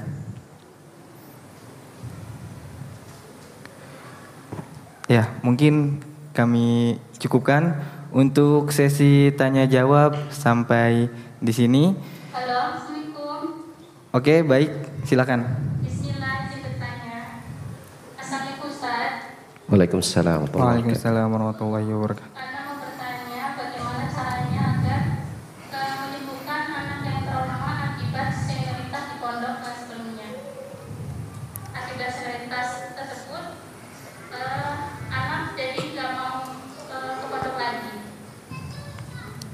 Ya. Mohon saran dan nasihatnya. Terima kasih. Jazakallah khairan. Iya. Kalau anak kalau anak kamu ke pondok kasih yang panjang aja bu. Nggak pengen ke pondok berarti ke panjang ya. ya masalah trauma itu memang masalah yang rumit-rumit mudah ya. Gitu. Eh, ibu yang bertanya anaknya masuk ke sini atau tidak? Daftar sekarang atau tidak? Insya Allah masuk ke sini tahun sekarang SMA. SMA ya. Kelas 10. Iya baik.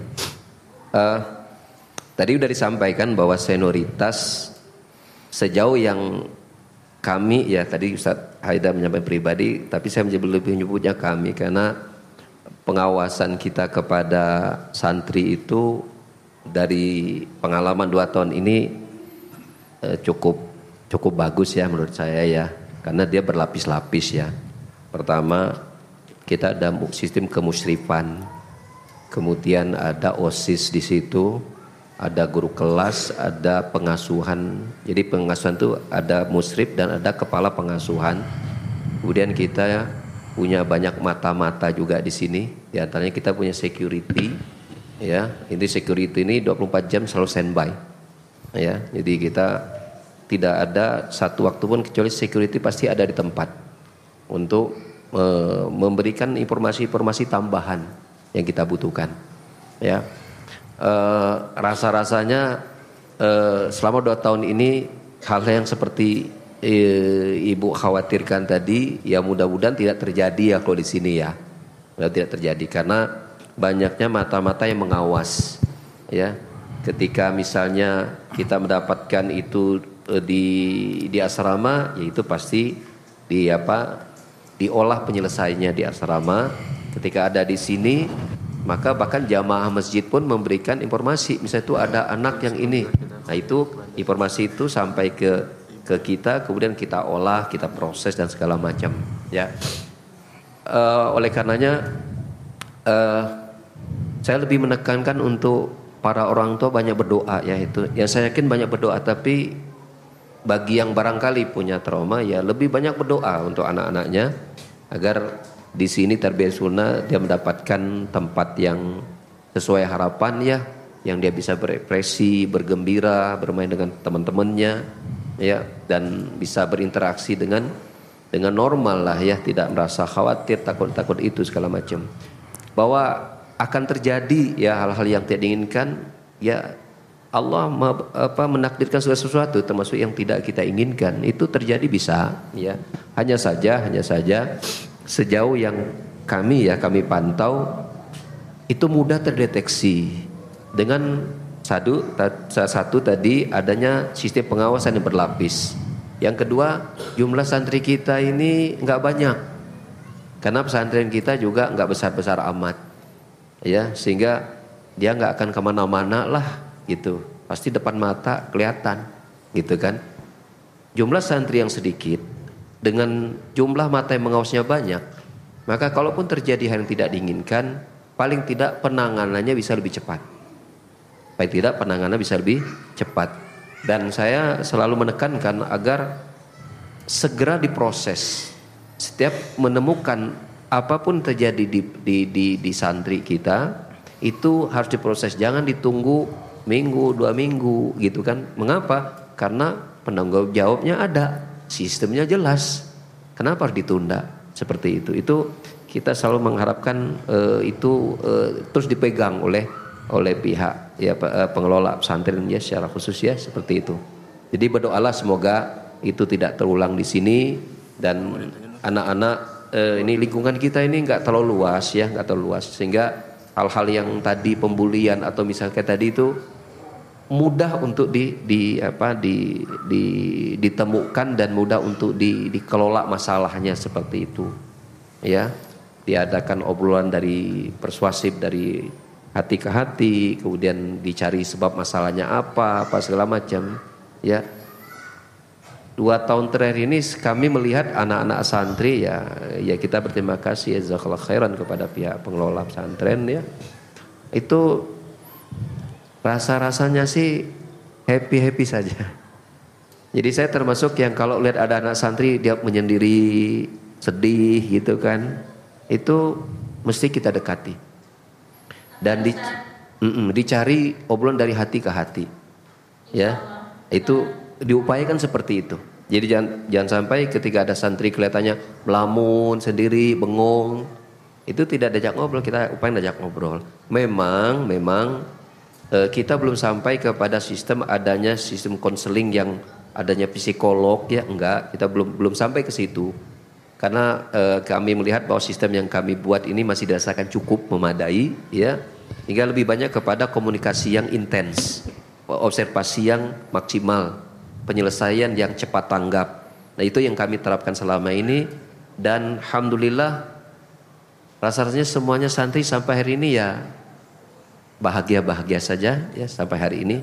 Ya, eh, insya Allah mudah-mudahan. Eh, ada satu lagi, apakah yang kami lakukan saat ini, walaupun anak sudah mungkin bicara langsung bahwa anak tersebut sebenarnya ada rasa kurang berkenan ke pondok, tapi kita eh, tetap memasukkan anak tersebut, apakah kita termasuk orang tua yang memaksakan anak Ustaz?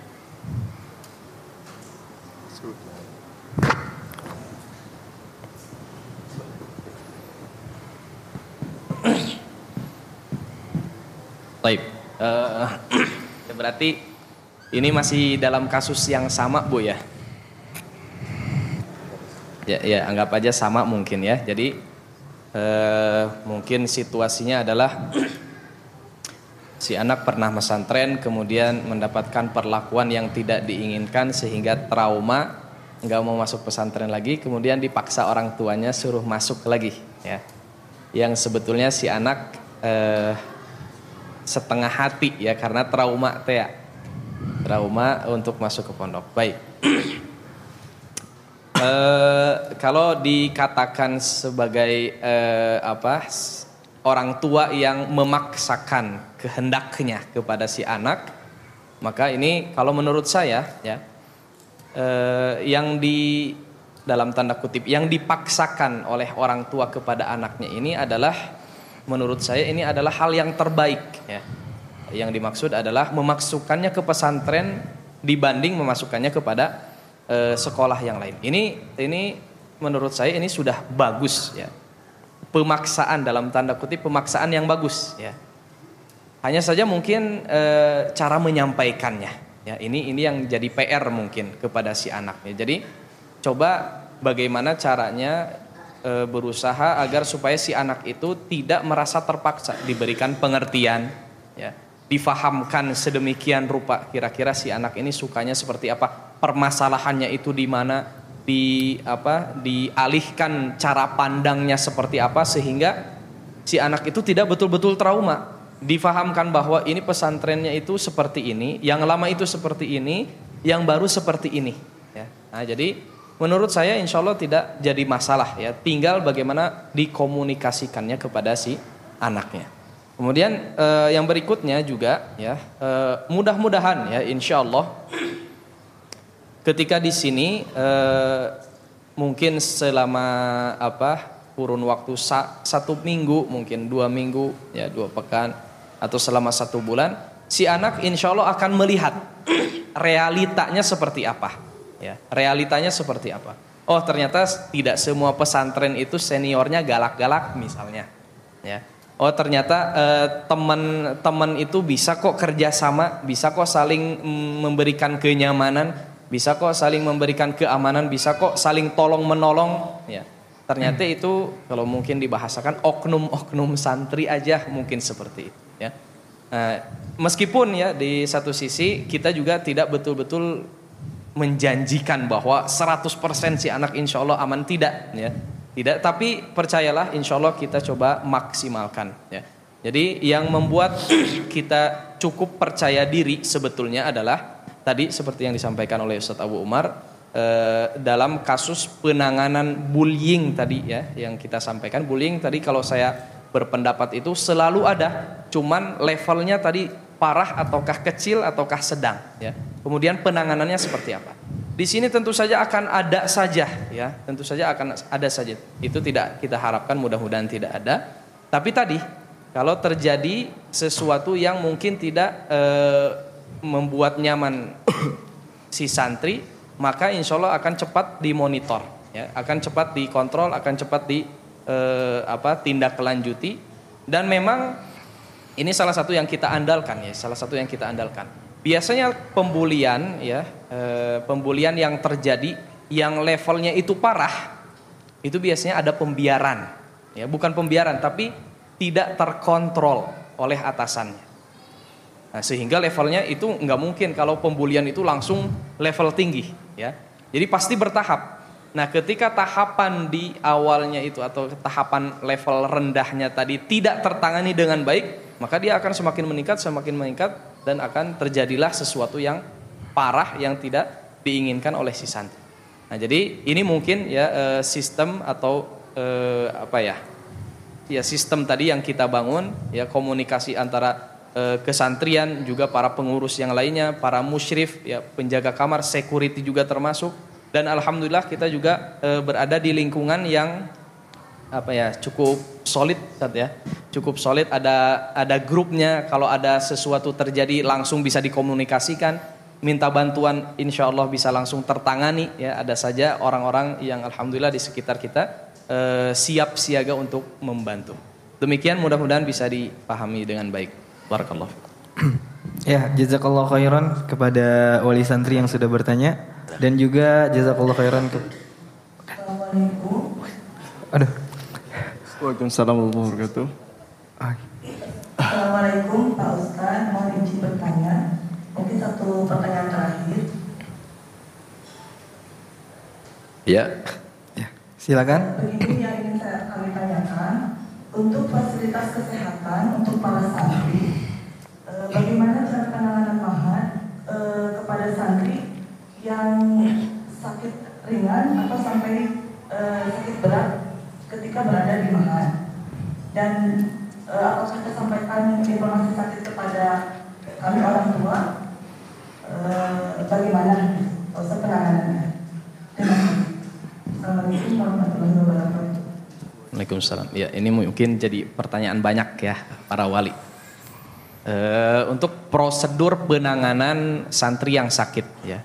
Alhamdulillah sekarang kita eh, ada ruang sebetulnya apa namanya teh perpus ya perpus ruang perpustakaan meskipun kitab-kitabnya belum ada ya belum banyak ya sehingga itu akan dijadikan juga ruang UKS ya.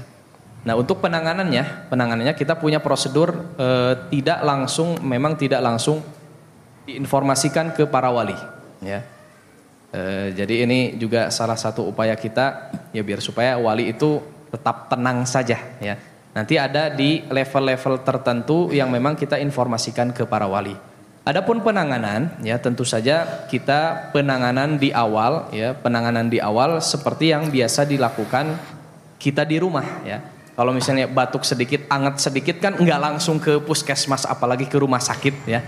Nah, jadi ditangani dulu beli obat-obat yang ada. Kita juga sedia P3K di kantor baik di asrama itu juga tersedia ya. Jadi ada penanganannya. Kalau misalnya tidak mereda, ya uh, tidak mereda, ada kurang lebih dua atau tiga hari atau mungkin terlihat uh, lebih parah. Insya Allah kita ada uh, klinik terdekat dari sini. Ya, kalau pakai kendaraan mungkin satu menit dua menit sampai.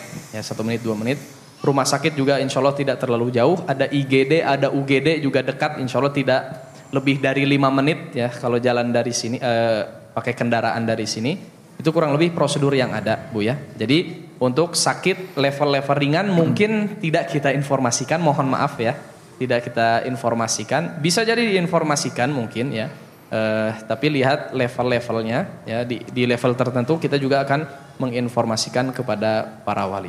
Kurang lebih demikian prosedur penanganan yang sakit. Nah.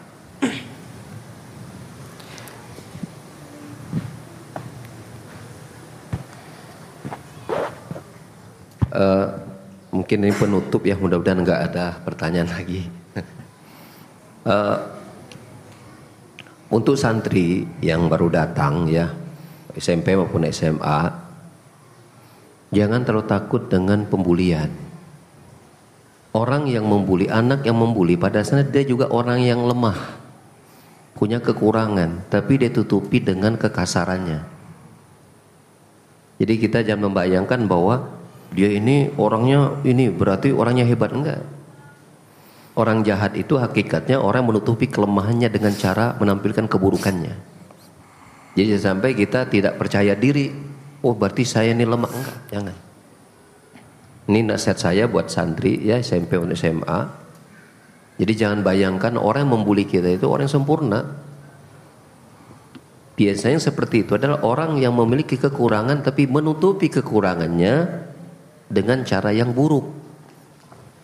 Sehingga jangan sampai ketika e, seorang santri merasa dibully dia merasa orang yang tidak punya harga diri, orang yang lemah, orang yang tidak punya prestasi, orang yang nggak punya. Jangan. Jangan matikan potensi pribadi kalian sebagai santri hanya karena ada yang mengejek, merendahkan, mencela apalagi sampai senggol-senggolan tadi jangan. Dia mengejek bukan berarti dia itu hebat enggak. Biasanya orang yang mudah mengejek adalah orang yang lemah. Biasanya begitu. Perhatikan jangan kalian merasa kalau kalian diejek ya direndahkan diremehkan disindir lalu kalian merasa bahwa sindiran itu menunjukkan bahwa dia lebih hebat daripada kalian tidak. Umumnya karakter manusia Mencela orang lain itu karena dia menutupi kekurangan dirinya dengan cara yang buruk. Itu hakikatnya. Jadi kalian jangan merasa khawatir, jangan merasa rendah diri, jangan merasa terlalu takut menghadapi bulian-bulian. Bangun rasa percaya diri kalian bahwa manusia sama. Saya dulu sebelum saya dilepas sama orang tua, ya ini mungkin bisa didengar oleh santri yang baru. Ya, pesan orang tua saya begini. Kamu harus harus maju dan bisa maju. Ingatlah bahwa mereka makan nasi, kamu pun makan nasi, berarti sama. Kecuali kalau dia makan batu, baru kamu takut. Dia masih makan nasi, kenapa kamu harus takut? Berarti masih manusia. Jadi jangan terlalu takut dengan pembulian. Jangan merasa kalau dia membuli, mencela, merendahkan, dia orang yang hebat, orang yang jago enggak. Itu hakikatnya orang yang suka membuli orang yang lemah tapi menutupi kelemahan dengan cara yang buruk. Itu hakikatnya. Maka oleh karena itu kalian sabari, ya tenang. Di satu waktu ajak ngobrol berdua. Bro, Ana boleh ngobrol gak nih? Ana mau traktir antum supaya dia jinak. Iya, ajak makan, traktir. Ana mau nanya kenapa sih ente suka ngecek Ana sih? Emang ente, emang Ana gitu gitu? Oh gitu makasih dong. Tapi jangan ada depan teman-teman. Ana kan malu nih gitu kan. Datang aja. Kalau bahasa kasar ontrok weh. Datangnya aja dia. Dia kalau sendirian ketahuan aslinya tuh biasanya. Dia berani tuh ke depan orang. Tapi kalau sendirian datangnya aja. Tapi badi yang siennya. Badi yang takut nggak apa-apa datangnya aja. Boleh nggak ngomong nih. Anak tuh sebenarnya nggak enak antum tuh gituin. Tolonglah bantu anak supaya anak kita ini kan sama-sama menderita di sini gitu kan. Jauh sama orang tua. Masa digitu kan tambah sedih nih gitu kan. Yuk kuatin bareng-bareng untuk tolong deh gitu kan. Begitu caranya ya. Jadi kalau ada yang membuli, minta dia berdua ngobrol. Datangi baik-baik ya misalnya pengen ajak Ana mau traktir antum nih boleh nggak? Oh boleh pasti senang tuh. Ana pengen ngobrol tapi nih Ana tuh sebenarnya malu ente boleh terus sedih gitu kan. Tolonglah jangan bully anak terus gitu kan. Kita kan sama-sama belajar di sini sama-sama sedih jauh dari orang tua, rindu juga banyak pengorbanan. Tolonglah diringanin sama-sama. Minta tolong weh. Itu saran saya. Ya, itu saran saya dan mudah-mudahan ini bermanfaat bagi tadi ibu yang bertanya kayak anaknya punya trauma di masa lalu dan segala macam ya eh, pandanglah hari itu dengan lebih baik setiap kita setiap kita itu bisa berkembang bila kita sabar menghadapi masalah. Bila kita sabar menghadapi masalah setiap kita bisa berkembang. Maka hadapi itu semua lalu itu semua nanti kita akan tahu apa makna sebuah kedewasaan. Insyaallah taala. Ya, kami ucapkan jazakallah khairan kepada wali santri yang sudah bertanya dan juga jazakallah khairan kepada ustadz yang sudah menjawab. Mungkin untuk sesi pertanyaan kita cut dulu, kita cukupkan sampai di sini. Kita ucapkan terima kasih kepada semua wali santri yang sudah bertanya. Yuk belanja di TS Mart. Dengan belanja di TS Mart, Anda turut berpartisipasi dalam dakwah yang diselenggarakan YTS.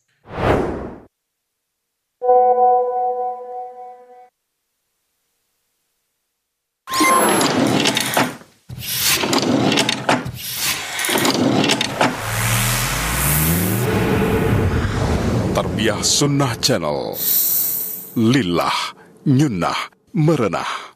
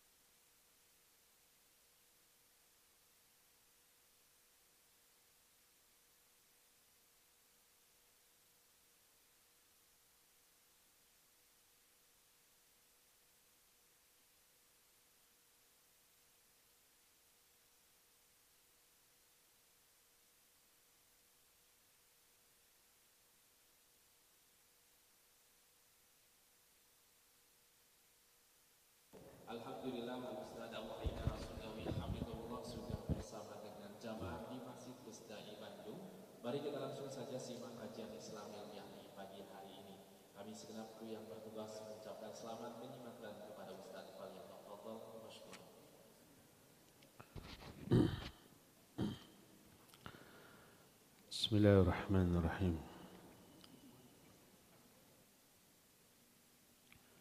السلام عليكم ورحمة الله وبركاته. الحمد لله رب العالمين وبه نستعين على أمور الدنيا والدين والعاقبة للمتقين ولا عدوان إلا على الظالمين. وأشهد أن لا إله إلا الله الملك الحق المبين. وأشهد أن محمدا عبده ورسوله صادق الوعد الأمين. والصلاة والسلام على أشرف الأنبياء والمرسلين وعلى آله وأصحابه أجمعين ومن تبعهم بإحسان إلى يوم الدين وبعد. Hadirin jamaah Masjid Pusdai Bandung Jawa Barat yang Allah muliakan para pendengar Radio Tarbiyah Sunnah Bandung dan beberapa radio lain para pemirsa beberapa stasiun TV dan para netizen di mana saja Anda berada Alhamdulillah kembali kita berjumpa. Kita sudah membahas masalah hisab Pertemuan terakhir kita membahas masalah saksi ketika hisab. Di dalam hisab ada pertanyaan. Pertanyaan ini mempertanyakan pertanggungjawaban kita terhadap beberapa hal.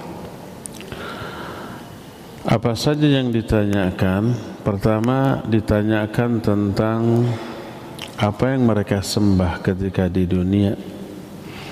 Yang kedua juga bertanya tentang bagaimana respon terhadap para nabi, para rasul yang diutus.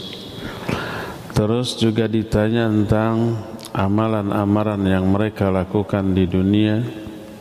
Ditanya juga tentang masa muda, tentang harta, tentang kenikmatan yang mereka rasakan.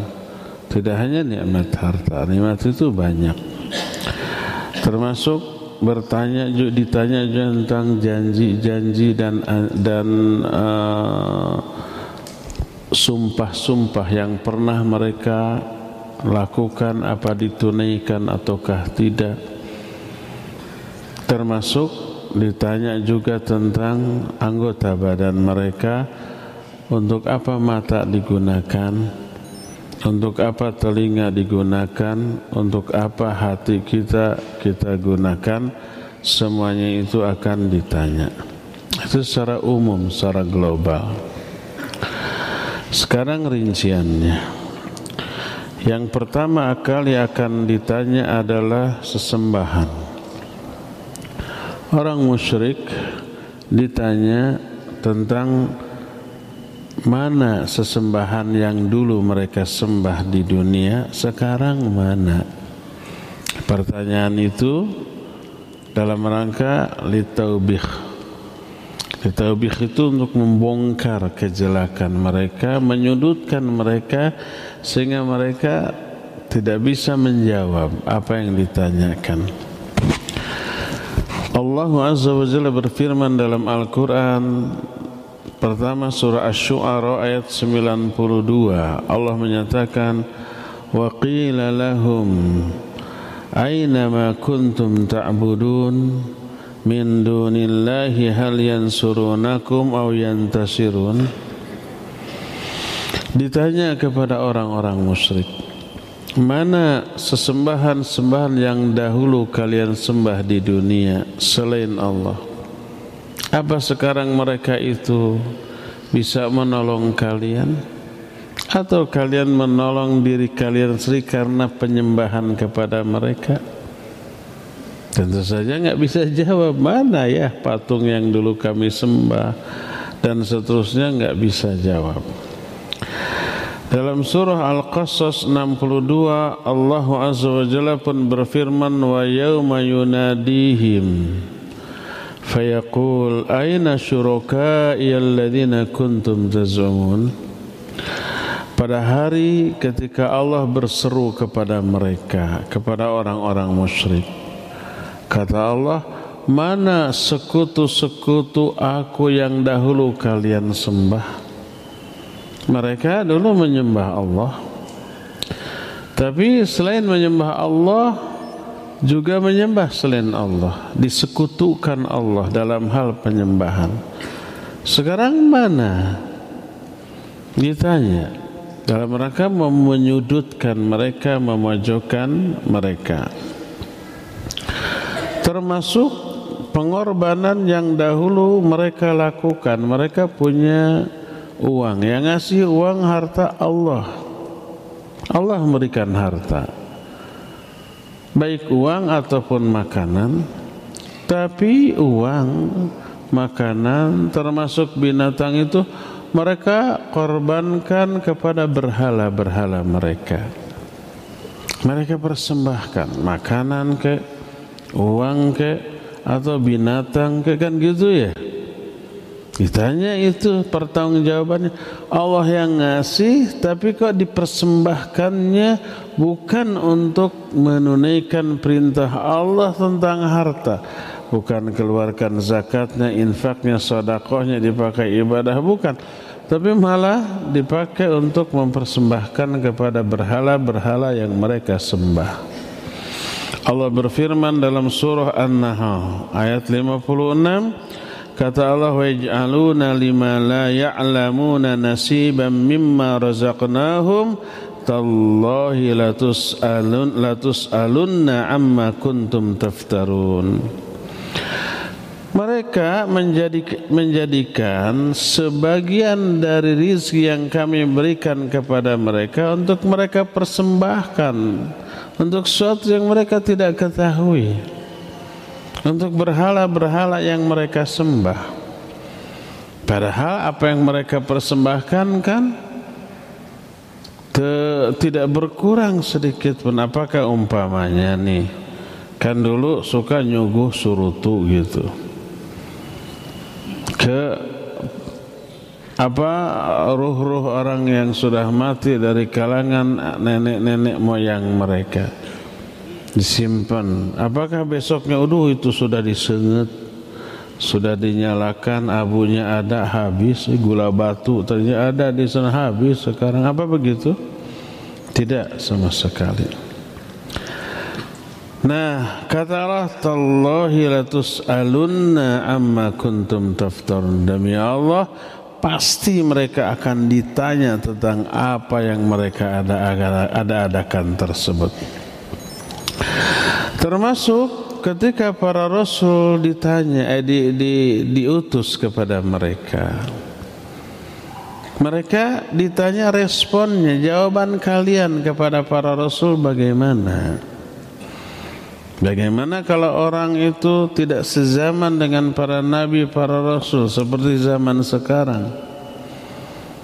Ditanya ajaran para nabi, para rasul itu tetap sampai lewat apa pun lewat para ulamanya, para mubalignya, para ustadznya, para doatnya sampai kepada mereka. Gimana respon mereka?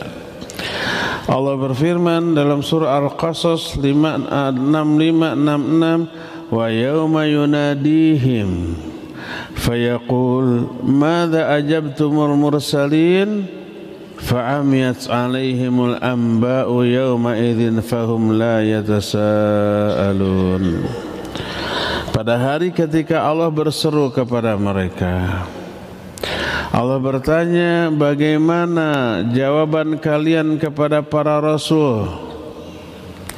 Tiba-tiba mereka blank, buta, nggak bisa menjawab saat itu. Dan mereka tidak lagi saling menyapa, tidak saling bertanya jadi semuanya itu adalah beberapa pertanyaan yang akan ditanyakan ketika hisab. Inilah yang pertama. Jadi yang ditanyakan adalah kekufuran atau apa mereka yang apa yang mereka sembah, mana sesembahan mereka dan bagaimana respon mereka, jawaban mereka kepada para nabi, para rasul yang diutus kepada mereka. Kedua yang ditanya pada hari kiamat adalah semua amalan yang pernah dilakukan di alam dunia ini. Allah berfirman dalam surah Al-Hijr ayat 92 fawarabbik lanas'alannahum ajma'in amma kanu ya'malun maka demi Rabbmu pasti kami akan bertanya kepada mereka semua tentang apa yang dahulu mereka lakukan, mereka amalkan. Kalau amal kita amal bagus, ditanya itu malah senang ya enggak? Seorang anak di rumah, seorang murid di rumah, kerjanya umpamanya dia memuroja, membuka lagi catatan pelajaran tadi dia pulang ke rumah zuhur, sholat ke masjid umpah. Pulang dari masjid dia makan siang. Setelah makan itu umpamanya dia nyupir, nyuci piring bekas makan dia. Beres-beres, terus buka pelajaran sampai sore maghrib. Bada maghrib ngaji di masjid sampai isya. Bada isya pulang, makan malam terus belajar lagi, terus tidur.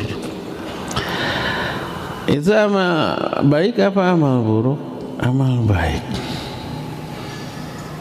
Ketika besoknya guru bertanya, kamu kemarin pulang sekolah di rumah ngapain aja? Dia malu apa takut enggak? Enggak, malah bangga. Oh, saya sepulang ke rumah bu begini-begini. Bagus, diberi apresiasi. PR sudah dikerjakan sudah. Kalau amal baik begitu.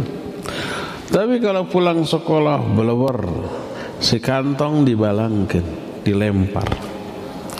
Seragam tidak diganti dulu langsung main, tidak sholat, tidak makan siang, tidak belajar, pulang-pulang maghrib. Dalam keadaan belepotan keringat, tidak mandi. Terus pulang nonton TV sampai malam, tidur ketiduran di depan TV buruk tidak belajar, tidak mengulang pelajaran, tidak mengerjakan PR besoknya guru bertanya. Dia deg-degan ya enggak? Karena apa yang dia lakukan di rumah kemarin memalukan. Semuanya buruk. Demikian juga di akhirat lebih dahsyat lagi daripada itu. Kalau amal kita di dunia adalah amal yang membanggakan, semua perintah Allah dilaksanakan, semua larangannya dijauhi, kita siap ditanya apa pun. Karena yakin kita akan dapat apresiasi yang baik. Allah berfirman dalam surah Al-A'raf ayat 6 wala nas'alanna alladhina ursila ilaihim wala nas'alanna mursalin kami pasti akan bertanya kepada umat-umat yang dahulu mereka diutus para rasul kepada mereka kami juga akan bertanya kepada para rasul Diresponnya bagaimana? Dilaksanakan enggak ajaran yang diberikan oleh para rasul dari Allah Azza wa Jalla? Sebuah hadis yang terdapat dalam Sunan At-Tirmidzi dari Abu Barzah Al-Aslami radhiyallahu an. Berkata Rasul sallallahu alaihi wasallam, "La tazulu qadama 'abdin yaumal qiyamah hatta yas'ala an arba'in." Tidak akan bergeser kedua kaki seorang hamba pada hari kiamat sebelum dia ditanya tentang empat hal. Kita siap nggak menjawab empat hal yang akan ditanyakan di akhirat nanti. Kalau empat hal ini dia sia-siakan, nah kita pasti bakal tegang, takut. Tapi kalau empat hal ini kita maksimalkan sesuai dengan aturan, kita siap, kita bangga, kita yakin kita akan dapat reward yang bagus dari Allah. Apa saja empat ini? Pertama an umrihi fi ma'afna tentang umurnya untuk apa umurnya ini dihabiskan. Termasuk masa muda tuh. Jangan sampai ada ada ada ada prinsip mumpung masih muda, wah kita hura-hura dulu, senang-senang, happy-happy. Nantilah ibadah mah kalau sudah masa tua kan gitunya. Disangganya usianya bisa sampai masa tua banyak pemuda mati kan. Masa muda itu masa yang sangat menentukan. Memang godaan gede, keinginan untuk hura-hura menikmati masa muda juga besar. Daya tarik dia terhadap orang lain juga besar gitu ya. Jadi godaannya besar kalau umpamanya dia mampu menepis semua godaan itu dia isi masa mudanya dengan ibadah dengan amal soleh. Ini pemuda istimewa. Dia akan diistimewakan juga di akhirat. Salah satu keistimewaan di akhirat dinaungi di bawah naungan arsh pada hari kiamat. Ketika matahari dekat, orang semua kepanasan, berkeringat, menderita. Ini mah adem. Ini mah senang, tenang, bahagia. Tujuh orang tuh salah satunya adalah tentang seorang pemuda nash'ata fi ibadatillah tumbuh berkembang di dalam ibadah kepada Allah sejak anak-anak masa remaja masa muda semua anak lain masa muda lain hura-hura. Ini mah sejak anak-anak remaja masa muda dipakai ibadah dipakai amal soleh. Ini istimewa maka dia juga akan diistimewakan di akhirat. Jadi pertama masa muda diisi apa itu masa muda? Kedua, wa an ilmihi madza amila bih tentang ilmunya. Diamalkan apa tidak? Kita wajib belajar sejak mulai kita balik sampai akhir hayat wajib. Talabul ilmi faridatun ala kulli muslim. Mencari ilmu wajib bagi setiap muslim. Setelah diilmui wajib diamalkan. Ada dua kewajiban. Belajar beramal terus nanti mengajarkan. Mengajarkan baik eh, termasuk bagian dari mengamalkan. Pelajari amalkan. Termasuk mengamalkannya adalah mengajarkan. Dan sabar di atas godaan gangguan ujian setelah mengamalkan setelah mengajarkan. Itu terus. Maka dua-duanya ditanya. Kalau masa mudamu dipakai untuk belajar, setelah berilmu diamalkan enggak tuh? Maka ada dua kewajiban belajar, beramal. Kalau umpamanya saya mah kan berilmu itu wajib mengamalkan, saya takut tidak bisa mengamalkan, makanya enggak mau belajar. Takut ilmu itu disia-siakan. Maka dua dua kewajiban tentang ilmu tidak dia lakukan. Pertama mempelajari, kedua mengamalkan. Kalau tidak mempelajari otomatis tak bisa mengamalkannya dua-duanya tuh enggak. Agak mending belajar walaupun tak beramal, agak mending ya. Ini juga buruk. Tapi agak mending dibanding yang enggak mau belajar.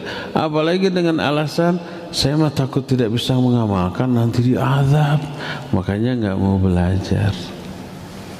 Berarti dua dosanya. Pertama tidak mempelajari yang kedua tidak mengamalkan. Makanya datang seorang kepada Abu Hurairah radhiyallahu an uridu an al-ilma wa akhafu an udayyahu saya ingin belajar ilmu tapi saya takut menyia-nyiakannya Makanya saya tidak mau belajar. Apa kata Abu Hurairah? Kafa bitarkika lahu tadyi'an. Cukuplah dengan cara kamu tidak mempelajari ilmu itu berarti menyia-nyiakan ilmu. Menyia-nyiakan yang paling besar kadarnya tidak belajar ilmu. Kalau belajar tapi tidak mengamalkan agak mending ada perhatian terhadap ilmu walaupun hanya dipelajari saja walaupun tidak diamalkan agak mending. Jadi lebih besar dosanya yang tidak belajar dibanding yang belajar tapi tidak mengamalkan. Dua-duanya dosa. Tapi kadar dosanya lebih baik, eh, lebih buruk daripada yang eh, eh, lebih buruk yang tidak belajar. Jadi yang kedua ilmunya, apakah diamalkan atau tidak? Ketiga, wa an malih min aina iktasabahu wa fima anfaqahu. Tentang hartanya. Dua pertanyaan tentang harta. Dari mana dia dapat harta itu dan ke mana harta itu dia nafkahkan.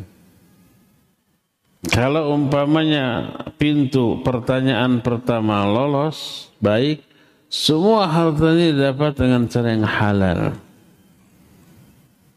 Dan ini jarang. Kata Nabi SAW, Ya'ti ala nasi zamanun la yubalil mar'u min aina akhadal mal? Amin halalin atau min haramin? Akan datang kepada manusia suatu zaman. Di zaman itu orang tidak lagi peduli bagaimana cara dia dapat harta. Dapat dari yang halal atau dari yang haram. Nggak peduli yang penting dapat. Apakah zaman itu sudah datang? Sudah sejak puluhan atau mungkin ratusan tahun yang lalu sudah datang sekarang masih ada bukan masih ada tambah beragam caranya bahkan dimanipulasi yang sebenarnya hal, haram dikemas menjadi seolah-olah halal. Sekarang ini kebanyakan ikhwan kalau mau memulai usaha dia nggak bertanya dulu tentang aspek fikih dari usahanya itu apakah apa namanya mekanisme dia dalam berusaha itu halal apa haram. Penting usaha dulu. Sedapat untung baru bertanya saya punya usaha ini halal apa haram. Itu sudah miliaran yang masuk tuh. Baru nanya ke Ustadz yang ini halal apa haram? Kata Ustadz haram. Wah, dipertanyakan nih Ustadz ilmu. Nanya ke yang lain. Sampai dapat yang menghalalkan. Ada yang begitu? Ada banyak. Mestinya sebelum berusaha, berbisnis, tanya dulu. Cara bisnis sebenarnya halal apa haram? Kalau haram, gimana caranya agar bisa jadi halal? Haramnya di mana? Oh ini ini bisa dirubah jadi halal? Bisa. Ada selalu ada solusinya lah. Tanya dulu baru berbuat. Bukan berbuat dulu baru bertanya. Jadi dua pintu pertanyaan tentang harta. Dari mana didapat dan setelah diperoleh ke mana dia salurkan. Terus belum lagi bertanya, hak dari harta itu ditunaikan apa tidak. Apakah dikeluarkan zakatnya, infaknya, sedekahnya dan yang sejenisnya dipakai menolong banyak orang? Kalau ternyata tidak, uh bahaya. Ini ada sebuah hadis yang menyadarkan kita untuk peduli kepada sesama dengan harta kita. Hadisnya diterima dari Ibnu Umar radhiyallahu anhu. Kata Allah kata Rasul sallallahu alaihi wasallam inna lillahi ibadan ikhtassahum bini'am limanafi'il ibad yuqirruhum fiha ma badhaluha fa idza mana'uha naza'aha minhum fahawwalaha ila ghairihim. Kata Rasulullah SAW, sungguhnya Allah memiliki beberapa hamba yang Allah khususkan untuk diberi nikmat agar bisa memberi manfaat kepada manusia. Ada berapa hamba Allah kasih harta. Agar dari hartanya itu dia ngasih manfaat kepada banyak manusia yuqirruhum fiha ma badaluha Allah akan tetap melimpahkan harta tersebut kepada orang itu selama orang itu nge-share membagi berbagi hartanya kepada orang lain jadi kita dijadikan oleh Allah sebagai orang yang diamanati untuk membagi harta orang lain melalui kita. Harta yang dibagi ke orang lain cuma 22,5 persen yang wajibnya. Itu kan kecil ya. Dari 100 ribu cuma 2500 tuh. Yang harus dibagi ke orang. Itu yang wajibnya. Yang sunahnya mah terserah bebas infak sedekah nam. Jadi Allah pilih orang-orang tertentu menjadi pintu rezeki bagi orang lain. Selebihnya yang 97,5 persen milik dia. Lebih banyak. Kalau umpamanya mau infak sedekah oke. Okay. Yang umpamanya 90% milik dia, 10 persennya di, diinfakkan, disedekahkan. Masih lebih gede. Allah tetap limpahkan harta itu kepada dia ma badaluha selama orang itu berbagi dengan yang lain fa idza mana'uha nazza'aha ketika mereka menahan hartanya hanya untuk dirinya Allah cabut itu harta. Fahawwalaha ila ghairihim. Allah offer, Allah pindahkan ke orang lain. Hadis tersebut diriwayatkan Imam At-Tabrani dalam kitab Al-Awsat dan dihasankan oleh Syekh Al-Albani dalam kitab At-Targhib wa Tarhib. Hadis pertama dari Ibnu Umar. Kedua dari Abdullah bin Amr bin As radhiyallahu anhuma. Berkata Rasul sallallahu alaihi wasallam, Inna lillahi inda aqwamin ni'aman yuqirruha indahum ma kanu fi hawaijin nas. Ma lam yamallu. Fa idza malluhum naqalaha ila ghairihim. Sesungguhnya Allah memiliki beberapa orang yang Allah limpahkan nikmat yang banyak kepada mereka. Nikmat itu akan Allah tetap kucurkan kepada mereka selama mereka membantu kebutuhan manusia lainnya dengan harta itu. Selama mereka tidak menahan harta itu hanya untuk dirinya. Fa'idha mallauhum. Ketika mereka menahan harta itu hanya untuk diri, naqalaha ila ghirim, Allah pindahkan kepada orang lain. Kalau stop pemberian harta tersebut dari orang itu, kemudian Allah pindahkan kepada orang lain yang tidak demikian. Jadi kita lihat salah satu di antara fungsi harta itu untuk apa? Untuk berbagi. Selama kita rajin berbagi, selama itu nikmat harta akan dikocorkan bahkan ditambah. Semakin banyak pemberiannya kepada orang lain, semakin banyak pemberian Allah kepada dia. Al jazau min jinsil amal. Kita pernah membahas kitab tentang alam malaikat. Waktu di Cipaganti dulu.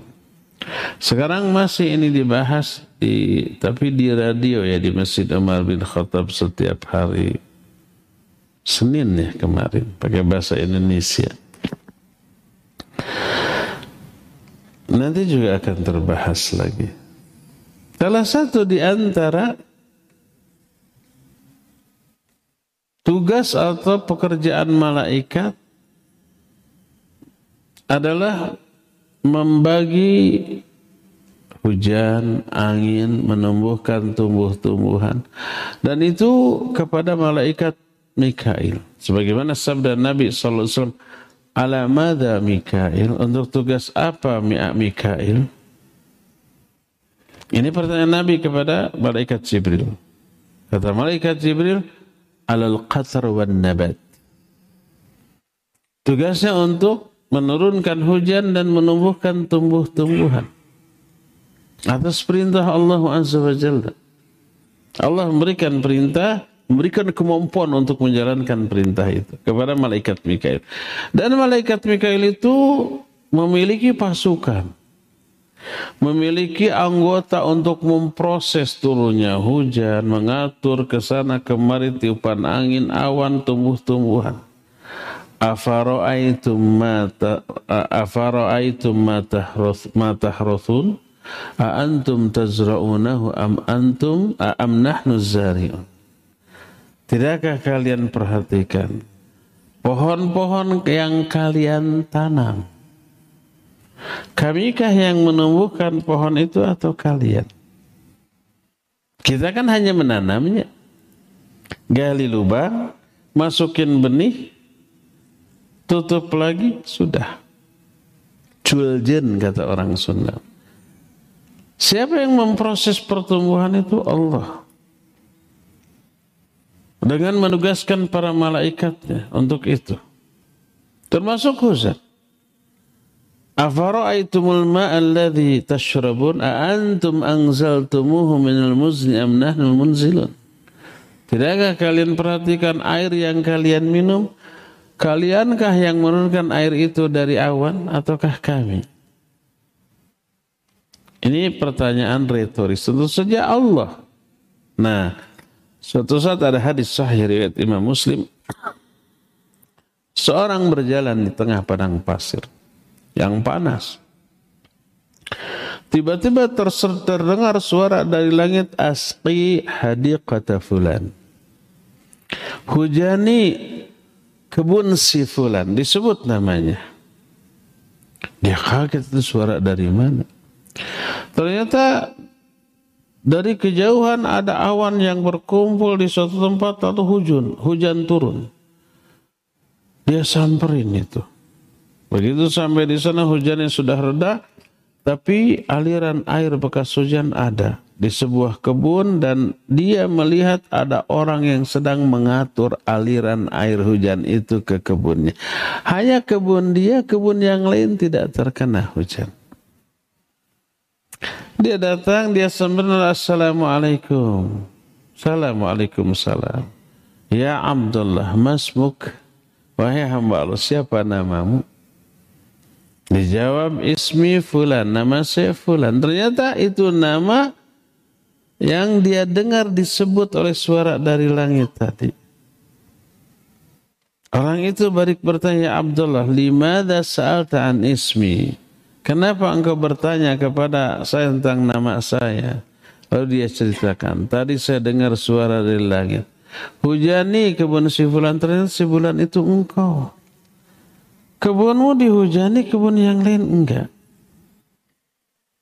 Kenapa? Apa yang kamu amalkan? Dia menjawab, kalau ucapanmu benar, sepertiga dari hasil panenku aku makan untuk keluargaku. Sepertiga lagi aku jadikan modal untuk pertanian di musim berikutnya. Sepertiga lagi aku infakkan, aku sodakohkan. Dibagi tiga tuh. Itu yang menyebabkan Allah membuat kebunnya selalu subur. Hal berkata dengan kebun orang lain tapi mereka tidak menghasilkan panen sebanyak yang dia hasilkan. Maka Imam An-Nawawi rahimahullah ketika menerangkan hadis dalam kitab Syarah Sahih Muslim beliau menyatakan fihi dalilun di dalam hadis ini terkandung dalil tentang dilipat gandakannya atau dibukanya pintu rizki bagi orang yang selalu infak dan sedekah dari hartanya. Sementara yang lain tidak. Yang lain hanya untuk dirinya sendiri. Makanya ikhwah, kalau antum punya penghasilan dari apa pun berdagang ke atau ada gaji, sisihkan selalu, agendakan, alokasikan sebagian harta untuk infak dan sedekah. Bukan binfak dan sodakoh kalau ada sisa. Tapi tetap sisakan untuk infak dan sodakoh. Itu yang membuat pintu rizki untuk kita ini selalu apa? Terbuka. Maka harta kita jadi barokah. Barokah atas harta kita ini luar biasa dampaknya ke dalam kehidupan kita.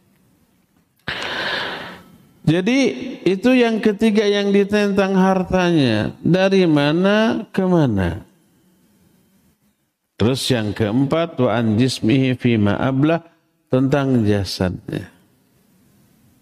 Untuk apa jasad itu dia gunakan? Apa untuk senang-senang sendiri atau untuk ibadah? Kita olahraga gimana? Bagus, bagus. Karena olahraga menunjang performance kita untuk melakukan ibadah, untuk amal soleh. Kalau kita fresh, stamina kuat, maka kualitas ibadah lebih baik. Saum, kita tidak akan loyo, tidak akan ada keluhan. Bangun malam, tidak akan ada keluhan.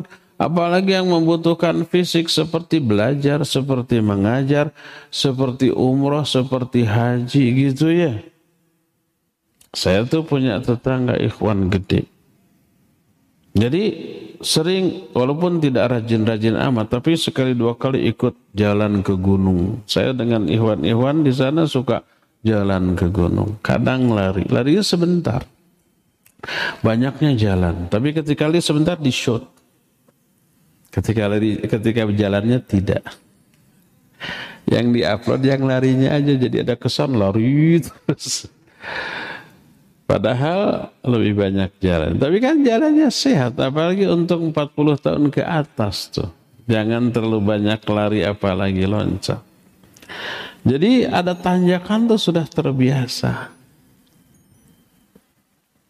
Jadi pas umroh, pas haji, jalan lama tiga jam itu tawaf sa'i dari maktab dari dari uh, tenda ke tempat jumroh itu bisa jam-jaman.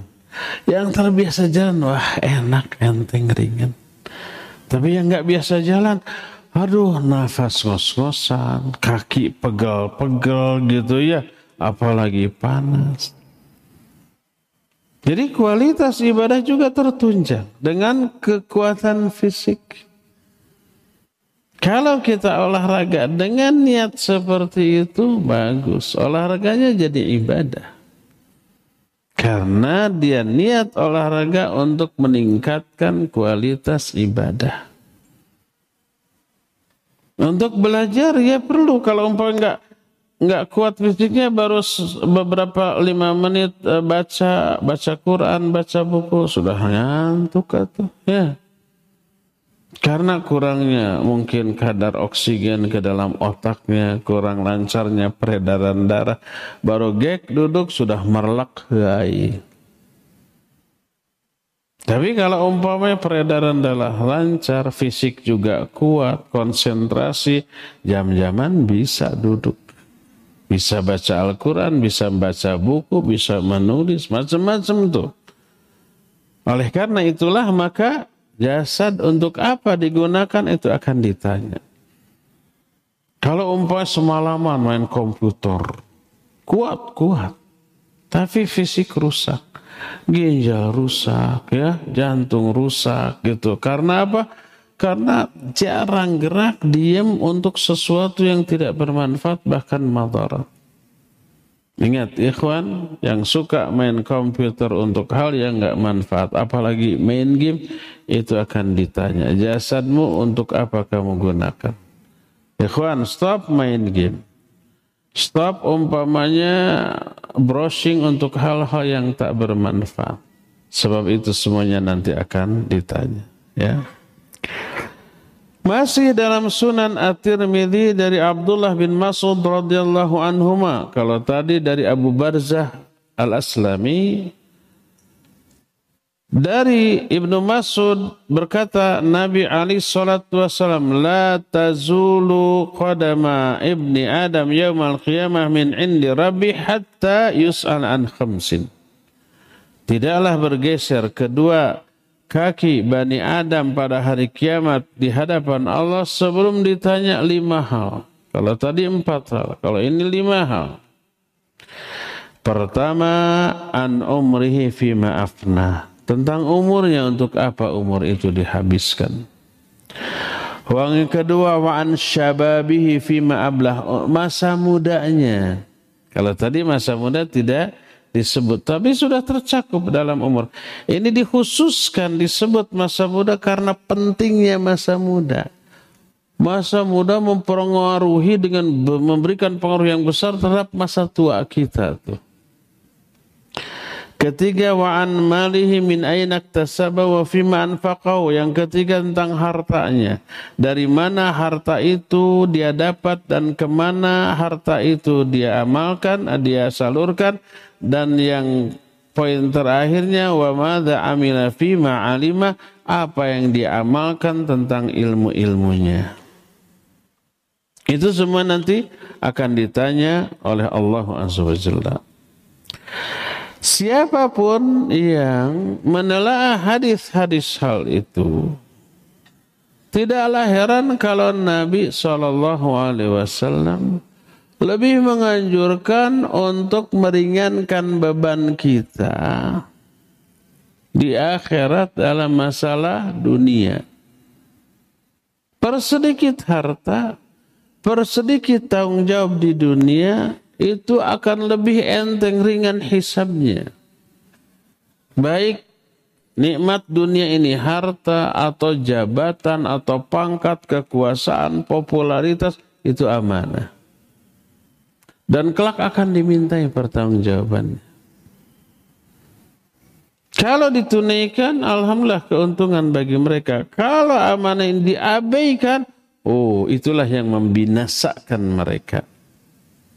Makanya berkata Rasulullah sallallahu alaihi wasallam al mukthiruna fid dunya humul muqil humul muqilluna fil akhirah. Orang yang memperbanyak hartanya di dunia, dia akan sedikit kebaikannya di akhirat. Maksud kebaikannya hartanya, uh, pahalanya sedikit.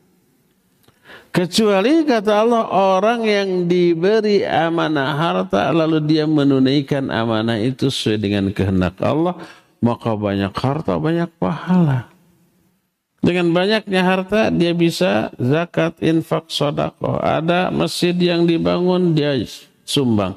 Ada madrasah yang dibangun dia sumbang. Ada ma'had pondok pesantren yang dibangun dia sumbang. Ada kegiatan dakwah dia sumbang itu banyak hartanya itu banyak juga apa namanya kebaikannya pahalanya dia akan memanen pahala di akhiratnya nanti kalau hartanya begitu dia banyak harta banyak pahala tapi umumnya orang kan tidak begitu banyak harta banyak senang-senangnya sedikit ibadahnya karena harta yang banyak butuh waktu, butuh potensi, butuh perhatian, butuh tenaga untuk menjaga bahkan menggolangkannya. Sehingga mempersedikit kesempatan ibadah, amal soleh dan kebaikan. Sedikit waktu untuk belajar. Saya sibuk nggak bisa ikut ngaji sebab saya harus ngontrol proyek di sana, terus belum perusahaan di sana tuh sudah seminggu nggak dikontrol, belum pembukuan ini, wah macam-macam tuh. Karena sibuk disibukkan oleh Allah dengan hartanya.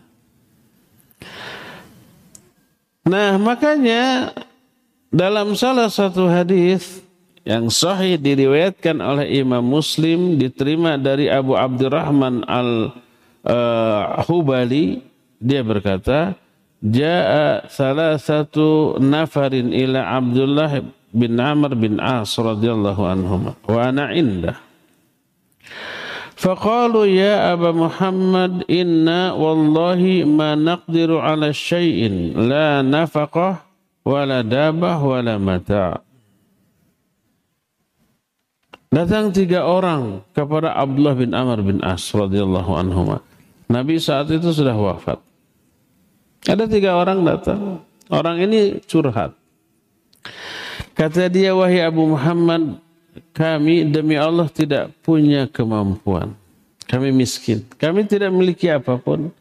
Tidak memiliki nafkah, tidak memiliki kendaraan, tidak memiliki harta. Kata Abdullah bin Amr bin As, ma syi'tum in syi'tum raja'tum ilaina fa'atainakum ma yassarallahu lakum. Wa in syi'tum dzakarna amrakum lisultan wa in syi'tum sabartum. Fa inni sami'tu Rasul sallallahu alaihi wasallam yaqul inna fuqara al-muhajirin yasbiquna yaumal qiyamah ilal jannati bi arba'ina kharifa. Kata Abdullah bin Amr bin As, mau kalian apa? Kalau kalian mau, kalian kembali ke kami, kami akan berikan ala kadarnya. Kalau kamu mau, kami akan sebutkan, akan usulkan ke sultan, ke penguasa, agar mereka memberikan santunan kepadamu. Tapi kalau kamu mau, bersabarlah. Jadi ada tiga opsi. Mau saya kasih, tapi ala kadarnya. Mau yang lebih banyak, saya ajukan ke penguasa. Ucapan Abdullah bin Amr pasti didengar oleh penguasa. Karena beliau sahabat Nabi yang mulia. Pasti akan didengar dan akan diberikan santunan. Tapi kalau kamu mau kamu sabar dalam kondisi seperti ini. Karena aku mendengar Rasul SAW bersabda, sesungguhnya para fukoro muhajirin akan mendahului orang-orang kaya pada hari kiamat ke, ke dalam surga selama 40 tahun. Ini dalam satu riwayat. Dalam riwayat muslim, dalam riwayat lain selama 500 tahun. Mananya uh, orang-orang miskinnya masuk dulu setelah 500 tahun baru orang kayanya masuk. Beda waktunya 500 tahun. Pas orang kaya masuk, loh kalian orang miskin sudah ada di sini. Kata orang miskin, ke mana aja kalian? Kami sudah 500 tahun di sini. Dalam riwayat muslim ini 40 tahun di sini. Dua-duanya sahih. Jadi mana yang benar atau 40 apa 4 atau 500? Dua-duanya benar. Kok beda? Ya, maknanya adalah orang pertama yang miskin di kalangan muhajirin kan kadar kemiskinan orang berbeda-beda ya. Ada yang miskin saja, ada yang sangat miskin, ada yang miskin bingit gitu ya. Orang kaya juga begitu. Ada yang kaya saja, ada agak apa sangat kaya, ada yang sangat kaya gitu. Hisabnya beda. Yang kaya lebih lebih lama hisabnya. Yang miskin lebih cepat, lebih sedikit ya e, hartanya lebih cepat. Yang nggak punya apa-apa, wah nggak ada yang harus dihisab. Maknanya orang yang paling awal dari kalangan orang miskin masuk surganya dibanding orang kaya terakhir yang masuk surga itu 500 tahun. Orang miskin yang paling akhir masuk surganya dibanding orang kaya yang paling awal masuk surganya itu 40 tahun. Jadi tetap rombongan orang miskin lebih dahulu ya selamat-lamatnya orang miskin dibanding secepat-cepatnya orang kaya dia lebih orang miskin itu lebih dahulu 40 tahun daripada orang-orang kayanya. Kalau di sini kita bareng antara orang miskin dengan orang kaya ke suatu tempat. Kita mah pakai angkotnya, na oge 10 menit atau gitu. Perjalanan juga wah dua jam baru sampai. Ada orang kaya mah ya pakai mobil merem begitu bentak sudah sampai lagi. Jadi orang kaya di dunia, eh saya duluan, bangga. Orang miskin mah saya nunggu angkot ngetem heula gitu. Begitu orang miskin sampai ke tempat kajian, kata orang kaya dari mana? Saya sudah sejam loh di sini, gitunya. Kamu baru nongol, kajian sudah mau bubar nih baru masuk. Kata orang miskin, tenang, nanti di surga saya duluan. Pun ke surga. Amin. Jadi itulah yang akan ditanya di akhirat. Salah satunya harta. Ya. Sekarang orang-orang kaya merasa bangga dengan kekayaan dan senang dengan kekayaannya, mereka akan jauh lebih menderita saat hisab dibanding orang-orang yang tidak punya. Sekarang orang tidak punya mengelus dada. Sedih, kelelahan, kelaparan, kehausan, serba, kekurangan, tidak mampu memenuhi semua keinginannya di dunia. Sahabat, dunia ini sebentar kok. Cuma sementahun, nggak akan semen terus. Hanya sementara. Tapi nanti di akhirat orang-orang miskin jauh lebih dahulu daripada orang-orang kaya ketika masuk surganya. Inilah poin yang kedua yang akan ditanya di akhirat yaitu yang per, uh, yang pertama tentang apa yang mereka sembah, yang kedua amal, termasuk juga umur, termasuk juga harta. Ya, itu semuanya akan ditanya.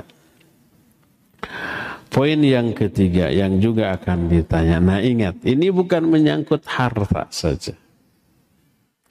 Tapi semua hal yang kita nikmati membuat kita senang, membuat kita merasa enak, membuat kita merasa gembira, bahagia, apa pun. Ya kan kebahagiaan, kesenangan, kenyamanan tidak hanya lahir dari harta ya enggak?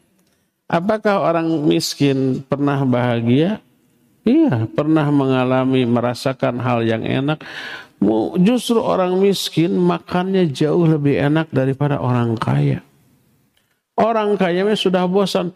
Paling sulit orang itu mau makan. Bingung mau makan apa, mau makan di mana. Ya, orang miskin masa ayana. Cukup dengan sambal goang dicocolkan juga. Tahu sambal goang? Sambal goang itu cuma ambil cengek, ya, masukkan ke coet, Bumbuan ya umpah garam, terasi, uh, nggak nggak pakai terasi. Sambal goang itu cuma apa? Cengek, garam sama cikur saja biar singit. Apa cikur teh? Kencur. Digerus, direndos.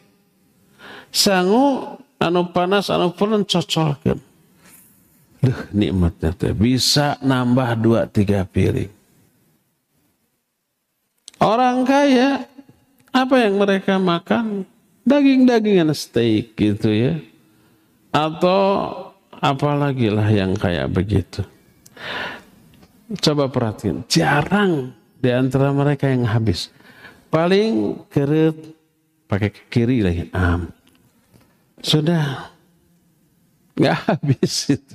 Menunjukkan apa? Tidak terasa nikmat. Orang miskin apakah merasakan kenikmatan? Iya nikmat. Merasakan enak-enak, senang-senang, gembira, nyaman. Iya. Orang miskin tidur di alas yang kasar, yang keras. Dengan hiruk-piruk lalu lalang orang, kepanasan. Bisa lebih nyenyak daripada orang kaya di atas kasur yang empuk. Kita lihat umpamanya uh, para homeless gitu ya, orang yang tidak punya rumah mereka tergeletak di pinggir jalan di trotoar, nyenyak di gemrong lalur. Orang berlalu lalang panas, itu tibra. Coba orang kaya di hotel bintang tujuh. Kasurnya empuk. Ngagolidak delir nu ayat. Terkena penyakit insomnia, susah tidur. Baru bisa tidur kalau harus minum obat tidur. Sekali tidur teng. Sampai seminggu satu itu sudah imun tubuh kita, nggak mempan lagi. Dua baru tidur. Seminggu dua nggak mempan lagi. Tiga. Kalau udah empat tidur selamanya. Mati jadi racun tuh ya. Nah, semua kenikmatan yang kita alami, kita rasakan, apa pun bentuknya itu akan ditanya. Allah berfirman, "Tsumma latus'alunna yauma idzin anin naim." Tsumma kemudian latus'aluna kalian pasti benar-benar akan ditanya yauma idzin pada hari itu, pada hari kiamat. Tentang apa? anin na'im tentang seluruh kenikmatan. Jadi semuanya ditanya. Nikmat apa? Segala macam kenikmatan. Nah, yang menarik bagaimana asbabun nuzul dari ayat ini. Sampai-sampai ketika Nabi Abu Bakar, para sahabat makan dengan lahap karena lapar. Nabi SAW melihat betapa mereka nikmatnya makan, beliau membacakan ayat ini. Ingat, nikmat yang kalian rasakan sekarang akan ditanya pertanggungjawabannya. Langsung berhenti ya tuh. Padahal ini semangat masih gede gitu ya. Nah sekarang jenis nikmat apa saja yang akan ditanya oleh Allah pada hari kiamat. Perhatikan, jangan sampai kita lalai. Kita setiap hari Bukan setiap hari, mungkin setiap jam atau kadang setiap menit. Bahkan ada kenikmatan setiap detik yang tidak pernah kita sadari sebagai sebuah kenikmatan. Itu akan ditanya. Berikut ini adalah beberapa jenis kenikmatan yang diterangkan oleh ayat atau hadis yang akan ditanya. Pertama, kita bahas bulan depan aja. Sekarang sudah habis waktunya karena poin ini cukup panjang. Gak akan cukup waktu untuk kita bahas ya. Kita masuki sekarang sesi tanya jawab. Wassalamualaikum ala nabiyina Muhammadin wa ala alihi wa ashabihi wasallam.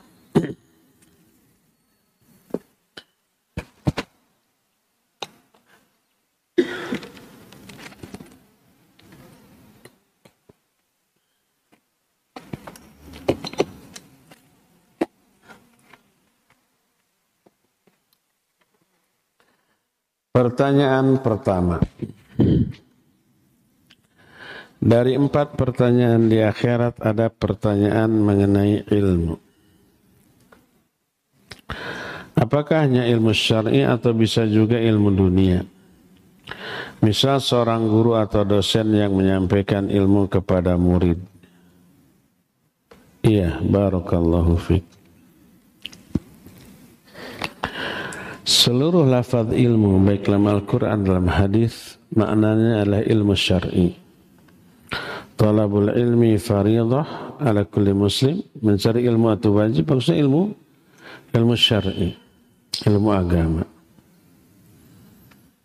Hadis juga menyatakan min asyratis sa'ah ay ilmu wa yakthurul jahlu. Wa yakthurul jahlu. Di antara tanda kiamat adalah ilmu akan semakin sedikit. Kebodohan akan semakin banyak. Maksudnya ilmu syar'i, ilmu agama semakin sedikit orang yang paham. Kalau ilmu dunia makin tua, usia dunia makin maju. Itulah yang dimaksud ilmu. Termasuk ilmu yang kita bahas dalam hadis ini adalah ilmu agama, akan ditanya, dipelajari atau tidak, diamalkan atau tidak. Adapun ilmu umum tidak akan ditanya. Kamu belajar ilmu biologi enggak? Ilmu IT apa tidak? Enggak, enggak akan ditanya. Diamalkan enggak itu ilmu IT? Enggak, enggak akan ditanya. Kamu belajar di informatika ITB umpamanya, bikin HP bisa enggak? Bisa bikin komputer mana? Enggak, enggak akan ditanya. Tapi ilmu agama ya diamalkan atau tidak. Tapi mempelajari ilmu-ilmu dunia yang bermanfaat ya ada nilai pahala. Karena ada manfaat bagi orang banyak. Mengajarkannya berpahala, iya berpahala mempelajarinya berpahala, mengajarkannya berpahala walaupun tidak wajib, tapi kadar pahalanya tidak akan sebanding dengan ilmu agama. Belajar ilmu agama dengan belajar sains jauh lebih mulia dan lebih besar belajar ilmu agama. Mengajarkan ikhra dengan mengajarkan komputer jauh lebih utama mengajarkan ikhra. Karena ikra berkaitan dengan agama, dengan tata cara membaca Al-Quran. Tapi dua-duanya ada pahala, iya. Tapi kadar pahalanya jauh berbeda ya.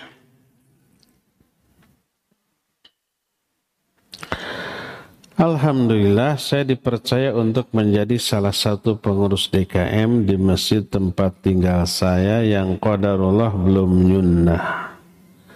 Salah satu kegiatan di masjid itu kajian rutin, pekanan yang mengharuskan pengurus menghadirinya. Bagaimana hukumnya? Apakah diperbolehkan saya hadir di kajian tersebut termasuk membuat undangan kajian tersebut?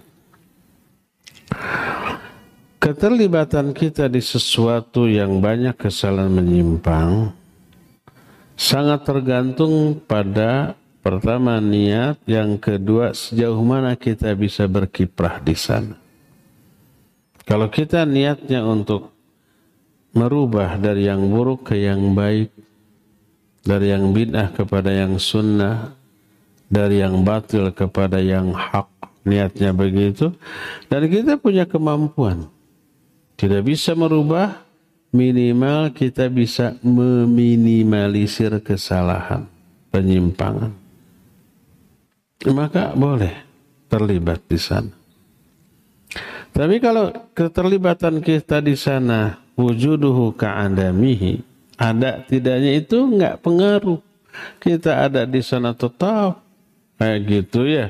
Tidak ada juga tetap. Dan keberadaan kita di sana madarat kita terpengaruh atau minimal kita ikut membantu hal yang menyimpang. Maka sebaiknya tidak. Tidak ikut terlibat karena apa? Keterlibatan kita di sana yang ya, nyata-nyata ada kekeliruan atau ada kesalahan sama dengan ta'awun alal ismi wal udwan. Ya.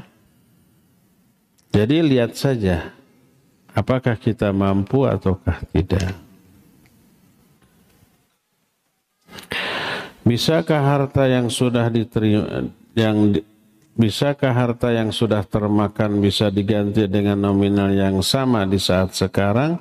Karena saat itu belum tahu kalau uang bunga itu haram. Bisa. Keluarkan uang sejumlah yang sudah kita makan, salurkan dengan niat mengganti apa yang sudah kita makan tadi. Karena nggak mungkin lagi dimuntahkan sudah kebuang. Kan sudah tahunan, sudah bulanan. Yang kemarin kemakan aja sudah keluar mungkinnya.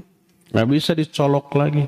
Yang dicolok kemudian muntah itu yang tadi, yang kemarin mah sudah jadi tulang, jadi daging. Jadi keluarkan uang sejumlah itu, salurkan.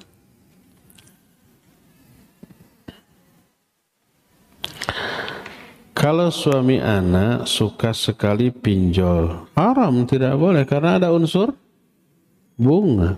Bunganya gede loh. Pinjam 3 juta bisa jadi 20 juta loh. Kalau nggak dibayar-bayar bisa berbunga terus. Suami anak suka pinjol untuk kemaksiatan. Na'udzubillah. Cara memperolehnya haram, dipakai untuk yang haram. Itu seburuk-buruk harta. Sebaik-baik harta adalah harta yang diperoleh dengan cara yang halal disalurkan untuk kebaikan. Dan seburuk-buruk harta adalah harta yang dapat secara haram dipakai untuk yang haram. Double tuh dosanya ya. Kebetulan anak dan suami usaha bersama. Sekali waktu ana lunasin dengan janji akan bertobat. Sekarang pinjol lagi. Tuh, tobat sama. Ana lunasin lagi. Eh, sarwana. Ana lunasin lagi dari usaha bersama. Jika next ketahuan lagi sebagai istri, Ana harus bagaimana? Apa yang harus Ana lakukan? Melunasi lagi atau tidak? Tidak. Dia lunasi lagi, dia pinjam lagi. Lunasi lagi, pinjam lagi. Nggak ada akhirnya. Hutang apalagi dengan bunga mencabut seluruh keberkahan hidup kita. Kalau hutangnya dengan cara yang halal, nggak ada bunga, boleh. Al-Quran bolehkan, Ya ayuhalladzina amanu idha tadayantum bidainin ila ajali musamma faktubuh.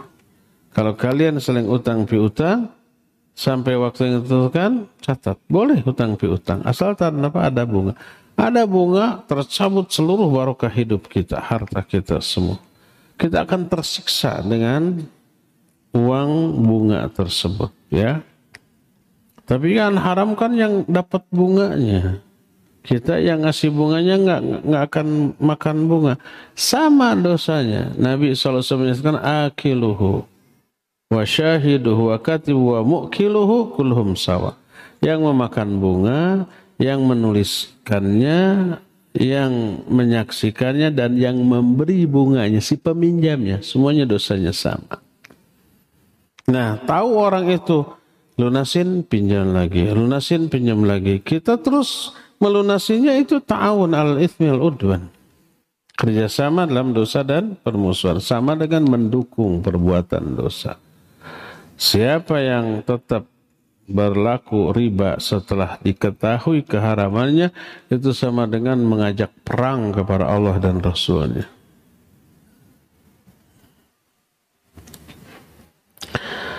Bolehkah saya terlibat dalam proyek pemerintah yang menurut saya cukup banyak madaratnya seperti manipulasi laporan? Terlibatnya kepada proyek apa pun selama proyeknya halal boleh. Nah, adapun nanti kesalahannya ada suap, ada manipulasi data, ada markup anggaran, itu yang haram yang tidak boleh. Ya. Hapuskan itu kalau kita mampu. Tapi kalau itu bukan wewenang saya, itu wewenang para pembesar. Saya mah tukang aduk, tukang nembok. Dan saya tidak ikut memakap. Nah, boleh, boleh. Karena kita memperoleh gaji dari pekerjaan kita yang halal. Nembok halal. Jadi ladennya halal. Kecuali kalau kita tukang memanipulasi laporannya. Nah itu haram. Saya tukang uh, memakap anggarannya. Itunya haram. Tidak boleh. Jadi dalam sebuah pekerjaan ya jenis pekerjaannya halal. Tapi ada beberapa penyimpangan. Maka kalau kita bekerja di bagian yang salah yang menyimpangnya maka tidak boleh. Tapi kalau kita bekerjanya di bagian yang tidak ada kesalahan, tidak ada penyimpangan seperti tukang temboknya, tukang ngaduknya gitu ya. Maka apa-apa. Kecuali kalau pas ngaduk itu kita yang melakukan kesalahan dirubah anunya apa namanya eh, perbandingan komposisi bahan harusnya semen dan pasir itu umpat tiga kali satu tiga berbanding satu agar irit, agar kita dapat sisa biaya, udah aja satu banding lima. Akhirnya ada sisa tuh semen, ya. Harga semen yang harusnya satu tiga ini satu lima kan ah, dua perbandingan dua dua bab dua bagian itu lumayan gede tuh. Dapat untung. Nah, itu korupsi itu tidak boleh haram jadi tergantung di bagian mana kita bekerja di sana. Selama proyeknya secara keseluruhan halal, bangun bangunan, ya, bangun jalan gitu, jembatan, tol kayak gitu, itu halal. Tapi pasti di sana ada penyimpangannya. Selama kita bukan di bagian penyimpangannya, maka boleh. Jangankan itu bangun masjid, itu ibadah. Apakah ada manipulasi dalam pengenalan masjid? Mungkin. Seperti tadi, besteknya nggak sesuai dengan uh, yang seharusnya. Besinya harusnya besi 14, ah ini cukup 10 aja irit. Nah itu yang tidak boleh ya.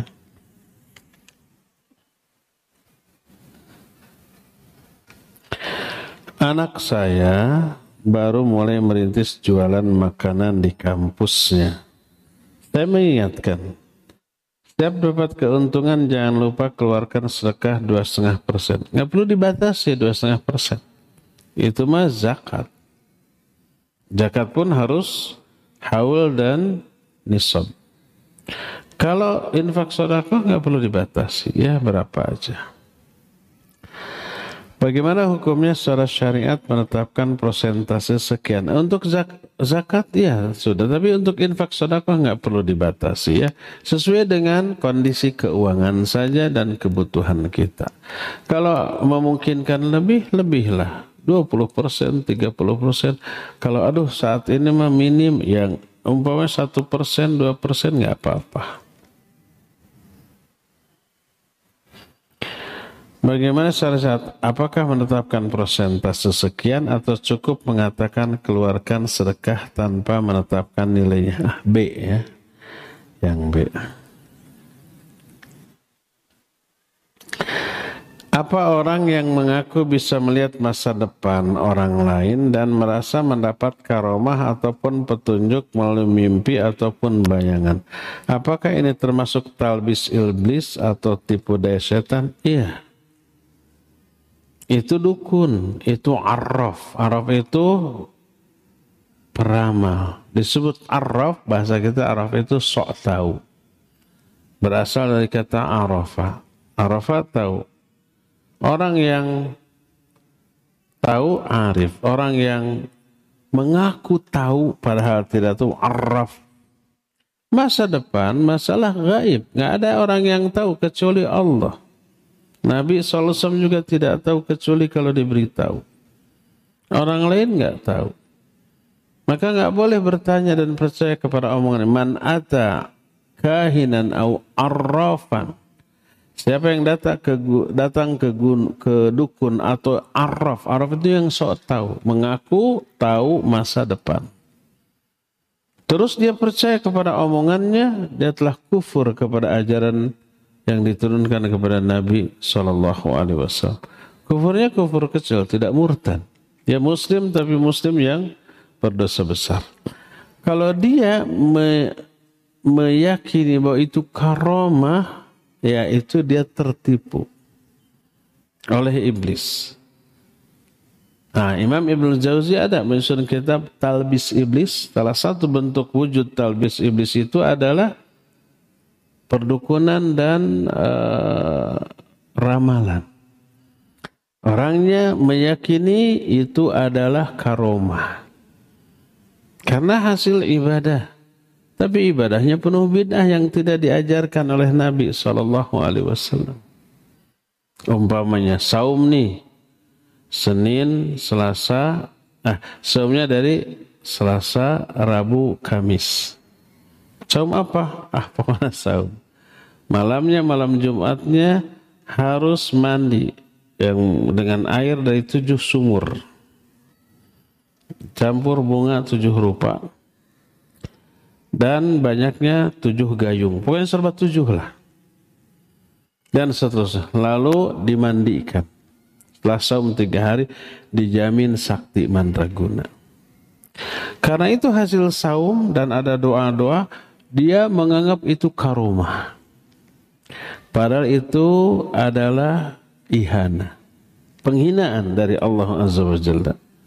Karena apa? Karena dibantu oleh setan laknatullah alaih, maka itu istidraj. Istidraj itu tertipu dia. Dia merasa itu karomah, padahal itu adalah ihana. Nah itulah yang banyak manusia tertipu maka disebut dengan talbis iblis ya.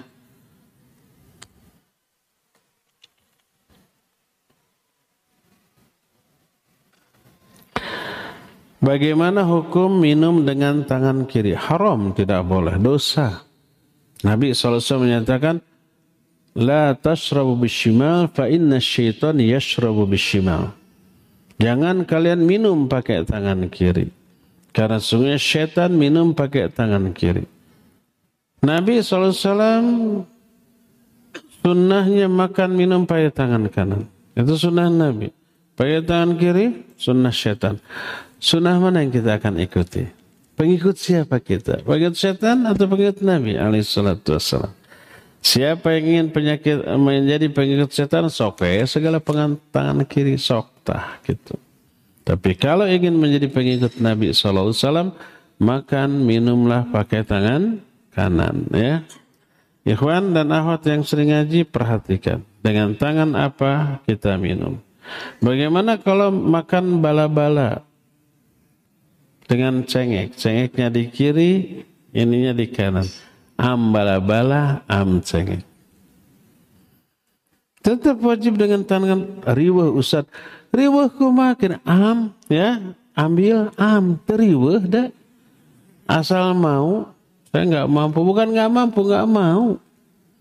Gampang apa? Am simpan helah. Hmm. Terus simpan dua nana. Am heula bala-bala simpan cengek am gitu ya. Mau cengek heula bala am gitu ya. Pas bala-bala ditepak murah gitu. Tinggal sehana gitu ya. Gampang lah kalau mau ya. Ikhwan ahwat awas, jangan tangan kiri makan ataupun minum. Bagaimana kalau sudah makan dengan tangan kanan? Pas minum, yang bersih tangan kiri, ya enggak? Bagaimana kalau tangan kanan eh, kotor?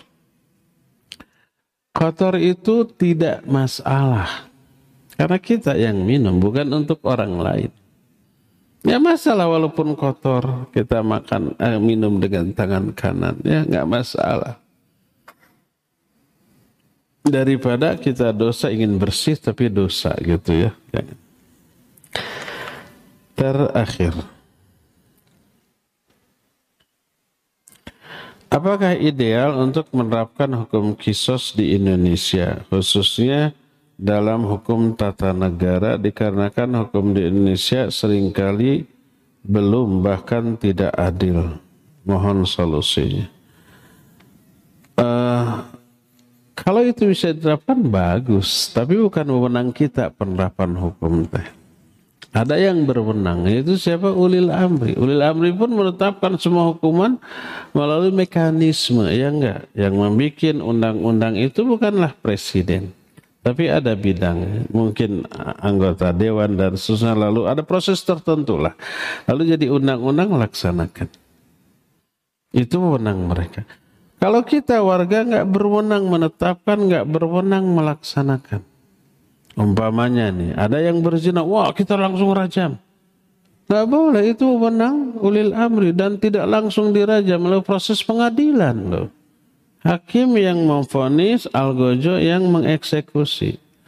Kalau kita, kita lagi cross country ke, ke gunung, ada yang berzina, tangkap tangkap, ayo rajam. Dosa kita, itu bukan wewenang kita. Secara syar'i kita dosa, secara hukum negara kita bisa dihukum nggak? Iya iyalah. Kalau ada yang berzina lalu kita rajam dihukum tuh. Kitanya yang dihukum. Mungkin ada apa namanya undang-undangnya ya mungkin ada. Nggak boleh. Oh, ada pencuri, potong-potong tangan. Nggak boleh. Kita tidak berpahala dengan hal itu. Dosa. Karena bukan wewenang kita. Itu wewenang algojo atas putusan hakim melalui proses persidangan. Di zaman dahulu, zaman Nabi, para sahabat, dan para khulafaur rasyidin begitu ada pencuri, langsung dipotong? Enggak disidang dulu. Apa alasannya? Bisi ini orang terdesak kelaparan. Bisi ada alasan apa? Tidak boleh langsung. Itu wewenang walil amri. Melalui proses persidangan yang adil. Nah termasuk kisos. Kalau umpamanya dulu zaman Nabi SAW ada orang yang dibunuh. Maka keluarganya boleh menuntut lapor ke Nabi SAW atau ke ulil amri nanti orang itu pembunuhnya ditangkap di sidang. Mau kisos, mau bayar dia, terserah. Tapi diputuskan melalui pengadilan. Jangan kayak di film-film, wah bapaknya, gurunya mati dibunuh, lalu muridnya latihan. Setelah jagoan baru balas dendam kisos, baru aja tenang. Ya, baru dianggap anak atau murid yang ber berbakti. Itu mah korban film. Bukan kisos dalam ajaran Islam, bukan. Ya. Nah, jadi kalau di Indonesia umpah ada keluarga kita yang dibunuh, wah kisos langsung kita latihan dulu bawa samurai cari bres. Alhamdulillah sudah melaksanakan ayat Allah. Keliru. Lalu apa yang harus kita lakukan? Lapor polisi, nanti ditangkap. Tapi nggak dikisos, paling dihukum. Ya begitulah aturan yang berlaku di kita yang ditetapkan oleh ulil amri itu wenang mereka tanggung jawab mereka yang dosa dosa mereka ya. Kalau umpamanya itu terjadi ya. Jadi kalau ada hukum khusus di Indonesia bagus nggak? Ya kalau aturannya begitu bagus bagus. Tapi kalau aturan tidak begitu berdasarkan apa kesepakatan para pengelola negara. Ya sudah ikuti saja, itu bukan wewenang kita kok. Bukan juga tanggung jawab kita. Cukup ya sampai di sini saja. Insya Allah kita jumpa kembali sebulan yang akan datang. Subhanakallahum bihamdik. Asyhadu an la ilaha illa anta astaghfiruka wa atubu ilaik walhamdulillahi rabbil alamin. Wassalamualaikum warahmatullahi wabarakatuh. Waalaikumsalam warahmatullahi wabarakatuh. Syukran jazakallahu khairan wa barakallahu kepada Ustaz Abu Haidar Sundawi hafizahullah taala yang telah menyampaikan kajian dan juga menjawab pertanyaan. Dan ikhwati iman azani Allah wa iyyakum kita doakan semoga Ustaz senantiasa dijaga oleh Allah dan diberikan kesehatan oleh Allah Subhanahu wa taala. Kami informasikan bahwa insya Allah di sore hari nanti Radio Tarbiyah Sunnah dan Tarbiyah Sunnah Channel akan kembali menayangkan kajian Islam ilmiah pembahasan tafsir surat Al-Baqarah pada pembahasan ayat 177 lanjutan bersama Ustadz Abu Umar Indra Hafizahullah Ta'ala pada pukul 16.15 waktu Indonesia Barat yang kami siarkan langsung dari Masjid Umar bin Khattab Desa Selacau Kecamatan Batu Jajar Kabupaten Bandung Barat. Dan untuk Selasa malam nanti pada maghrib Insya Allah akan kembali hadir kajian Islam ilmiah pembahasan atau penjelasan kitab Mujmal Usul Ahlu Sunnah wal Jamaah fil Akidah bersama Ustadz Abu Yahya Badrul Salam LC Hafizahullah Ta'ala bertempat di Masjid Agung Al-Quah Bandung, Jalan Wastu Kencana nomor 27 Kota Bandung. Dalam pembahasan memalingkan ibadah kepada selain Allah Azza wa Jalla pada Selasa malam tanggal 1 Muharram 1445 Hijriah atau 18 Juli 2023 pukul 18.15 waktu Indonesia Barat. Demikian informasi yang dapat kami sampaikan. Semoga bermanfaat. Barakallahu fikum. Subhanakallahumma wa bihamdik. Asyhadu an la ilaha illa anta astaghfiruka wa atubu ilaik. Wassalamualaikum warahmatullahi wabarakatuh. Yuk belanja di TS Mart. Dengan belanja di TS Mart, Anda turut berpartisipasi dalam dakwah yang diselenggarakan YTS.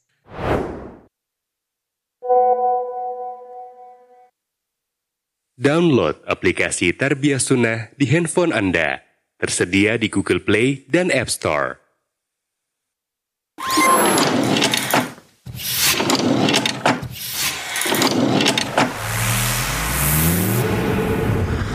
Tarbiyah Sunnah Channel. Lillah Nyunnah Merenah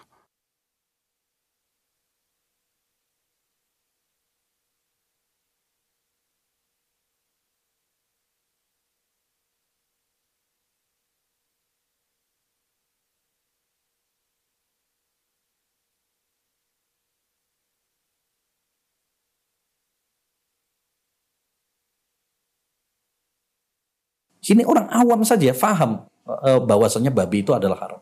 Kok ini yang katanya uh, uh, dosen, yang katanya Hmm. intelektual, ya malah menghalalkan apa yang diharamkan oleh Allah SWT. Hmm. Bahwa ini adalah kekufuran. POTS Podcast Tarbiyah Sunnah. Assalamualaikum warahmatullahi wabarakatuh. Alhamdulillah wassalatu wassalamu ala Rasulillah wa ala alihi wa sahbihi wa man wala amma ba'd. Kembali di POTS Podcast Tarbiyah Sunnah. Kembali kita bersama Ustadz Yusuf Abu Ubaidah Asidawi. Gimana Ustadz? Kabarnya gimana Ustadz? Alhamdulillah, Alhamdulillah, Masya Allah. Sehat selalu ya? Alhamdulillah. Ah, khair. Baik Ustadz, ini kita mau bahas satu lagi fenomena Ustadz atau keajaiban lagi yang terjadi di eh, negeri kita ini Ustadz. Ada yang mengatakan, seorang muslim mengatakan bahwa tidak semua babi itu haram Ustadz. Ini gimana eh, apa namanya? Eh, terkait hal ini Ustadz mungkin eh, seorang muslim mengatakan tidak semua babi haram karena di- beliau berargumen bahwa khinzir itu tidak sama dengan babi ternak di zaman sekarang. Jadi khinzir itu diperdebatkan eh, apa definisi khinzir itu tidak sama dengan babi. Lebih kurang begitulah Sat. Eh, argumennya. Beliau mengatakan khinzir itu kayak eh, hewan liar yang hidup di gurun pasir pada zaman eh, atau pada masa Nabi Muhammad SAW. Jadi tidak sama dengan babi ternak di zaman sekarang. Jadi tidak semua babi haram. Fadlan Ustaz, mungkin butuh nasihat hikmah dari Ustaz. Ustaz. Allah musta'an. Allah musta'an. Ya banyak hal-hal aneh ya Hmm. dari sebagian kalangan ini banyak memunculkan pemikiran-pemikiran dan pendapat-pendapat Pendapat- yang jelas-jelas bertentangan dengan Islam. Ya, walaupun dia ngaku muslim, walaupun dia mungkin KTP-nya muslim, Hmm. ya, tapi kalau eh, menggugat syariat Allah Subhanahu wa taala siapa pun dia. Nah, ini berarti sudah nantang Allah Subhanahu wa taala dan menjerumuskan dirinya kepada suatu kekufuran ya yang sangat berbahaya. Ya. Eh, memang kalau kita mau berbicara tentang masalah makanan ya, kalau kita lihat kaidah yang disebutkan para ulama, hukum asalnya semua makanan itu kan boleh-boleh Boleh, saja. iya, Alhamdulillah itu rahmat Allah SWT bagi kita. Mau makan apa saja, walaupun nggak ada di zaman Nabi, ya boleh. Ya banyak kan. Eh, coba Kak, di Bandung ini kan banyak makanan-makanannya. ya. Mulai dari apa? Ya Ada cilok saat nggak ada zaman. Rasul ada di yang zaman Nabi. Ya, somai, Somai, ya, seblak, batagor, ya kan? Masya- Benar. Walaupun nggak ada di zaman Nabi, tapi masalah-masalah dunia, masalah-masalah makanan, koidahnya adalah hukum asalnya boleh. Nah, eh, berbeda dengan masalah-masalah ibadah. Ya. Kalau masalah-masalah ibadah, kata para ulama, hukum asalnya haram, nggak boleh sampai ada dalil yang eh, mensyariatkannya. Hal ini berdasarkan satu hadis yang eh, agung dan sahih yang merupakan kaidah dalam masalah ini, di mana Nabi SAW mengatakan, "Idza kana syai'un min amri dunyakum fasa'nukum." Kalau untuk urusan dunia terserah kalian. Karena hukum asalnya boleh, kalian lebih tahu. Wa in kana min amri dinikum fa ilayya. Tapi kalau urusan agama, urusan ibadah, maka itu harus mengikuti aturan saya. Nah, jadi eh, kembali kepada pembahasan hukum asal masalah makanan boleh-boleh saja, kecuali kalau ada dalil yang mengharamkan. Mengharamkan. Nah, masalah babi, ya ini sudah ada dalil yang tegas, Jelas, jelas, ya. mengharamkan. Bahkan dalam Al-Quran, surat Al-Maidah ayat 3 jelas. Hurrimat alaikumul maitatu waddamu walahmul hinzir. Diharamkan bagi kalian bangkai, kemudian darah yang mengalir, dan daging babi, hinzir. Tegas di situ hurrimat alaikum, diharamkan kepada kalian. Ini nggak main-main, Allah langsung yang mengharamkan dalam Al-Quran. Ya. Ya, bahkan disebutkan oleh para ulama, di antaranya Imam Az-Zahabi dalam kitabnya Al-Kabair, nggak ada perselisihan di kalangan para ulama, nggak ada perselisihan di kalangan kaum muslimin bahwa makan babi itu hukumnya adalah haram. Dan itu mencakup umum, ya, mencakup umum, Ya. Eh, baik eh, liar maupun peliharaan, ternak tadi Ustaz, ya. ternak, dan mencakup seluruh anggota badan babi, kulitnya, dagingnya, jerohannya, apanya lagi, mungkin kikilnya, Ah, kikilnya. Ya. Terus apa pun, karena kenapa? Karena di dalam ayat tersebut Allah Subhanahu Wa Taala tidak eh, mengkhususkan walahmul hinzir itu lafadznya umum khinzir ada alnya. Al itu kalau kita dalam ilmu usul fikih dan ilmu bahasa Arab al itu mencakup umum. Ya berarti semua babi apa pun jenisnya jantan ataupun betina peliharaan atau liar eh, dan mencakup semua eh, anggota badannya tadi. Mungkin minyaknya eh, dagingnya jerohannya apa pun yang bisa dimakan itu nggak boleh. Ya kenapa nggak boleh? Ya. Kenapa nggak boleh? Pertama kita di dalam sebagai eh, apa ya, sebagai seorang muslim ya, Hmm. sebagai seorang muslim itu kan sami'na Wa ata'na, mendengar dan taat. Apa pun yang diperintahkan oleh Allah, apa pun yang dilarang oleh Allah, kita sami'na wa ata'na. Kalau kita tahu, alhamdulillah. Kalau nggak tahu, Nggak tahu hikmahnya gitu nggak ya. tahu Hmm. hikmahnya, tetap kita jalankan. Karena akal manusia terbatas. Dan itu keimanan Ustaz ya. Iya, yang harus kita tanamkan dalam diri kita. Terus kenapa dilarang, Ustaz? Hmm. ya eh, penelitian menunjukkan satu bahwa daging babi itu adalah mengandung penyakit Hmm. apa penyakit apa pita cacing Cacing pita, ya betul dan, betul Ustaz. Hmm. dan itu penyakit yang kronis yang Hmm. sulit dicarikan obatnya yang kedua babi itu adalah eh, binatang yang jorok jorok Hmm. jorok ya dikasih yang makanan yang baik-baik justru nggak mau coba aja antum soto misalkan kasih ke dia. Sate juga sama. sate dan nggak mau dia. Tapi kalau dikasih yang kotor-kotor yang jorok-jorok mau dia. Hmm. ya. Dan makanan itu punya pengaruh. Kalau kita makan yang halal makan yang bersih akan menjadikan hati kita bersih. Ya tapi kalau makanan yang kotor makanan yang haram itu menjadikan kita pun eh, hati kita kotor akhlak kita kotor. Itulah indahnya agama Islam gitu. Ya, Nah, kita tahu ini supaya kita semakin cinta sama Allah, bangga sebagai seorang Muslim, ya, sehingga kita lebih apa namanya lebih yakin akan keindahan syariat Islam. Yang ketiga, eh, di balik keharaman babi itu ya, eh, kenapa babi itu diharamkan? Ada hikmah yang ketiga yang disebutkan oleh para ulama, karena babi itu binatang yang syahwatnya tinggi. Syahwatnya tinggi. Ya, level tinggi dia. Hmm. Sampai disebutkan eh, babi jantan itu bisa menggauli jam, eh, babi betinanya berkilo-kilometer sambil jalan. Berkilo-kilometer. Udah nggak menit lagi atau, atau jam lagi. Iya. Berkilometer. Iya. Makanya antum bisa perhatikan dan ini fakta ya. Orang-orang yang biasa makan babi hilang rasa kecemburuannya. Hmm. Banyak perzinaan di eh, negara-negara yang biasa makan babi itu. Ya, perzinaan suatu hal yang biasa. Bahkan Hmm. LGBT mungkin eh, banyak di negara-negara mereka dilegalkan. Hmm. Ya Iya, kan? iya. Karena makanannya Salah satunya ini. salah Hmm. satu alasannya karena makanannya itu sudah salah. Hmm. Itu. Nah, jadi intinya eh, tentang haramnya babi ini sudah final, sudah Ya. jelas dalam Qur'annya, sudah disepakati oleh para ulama.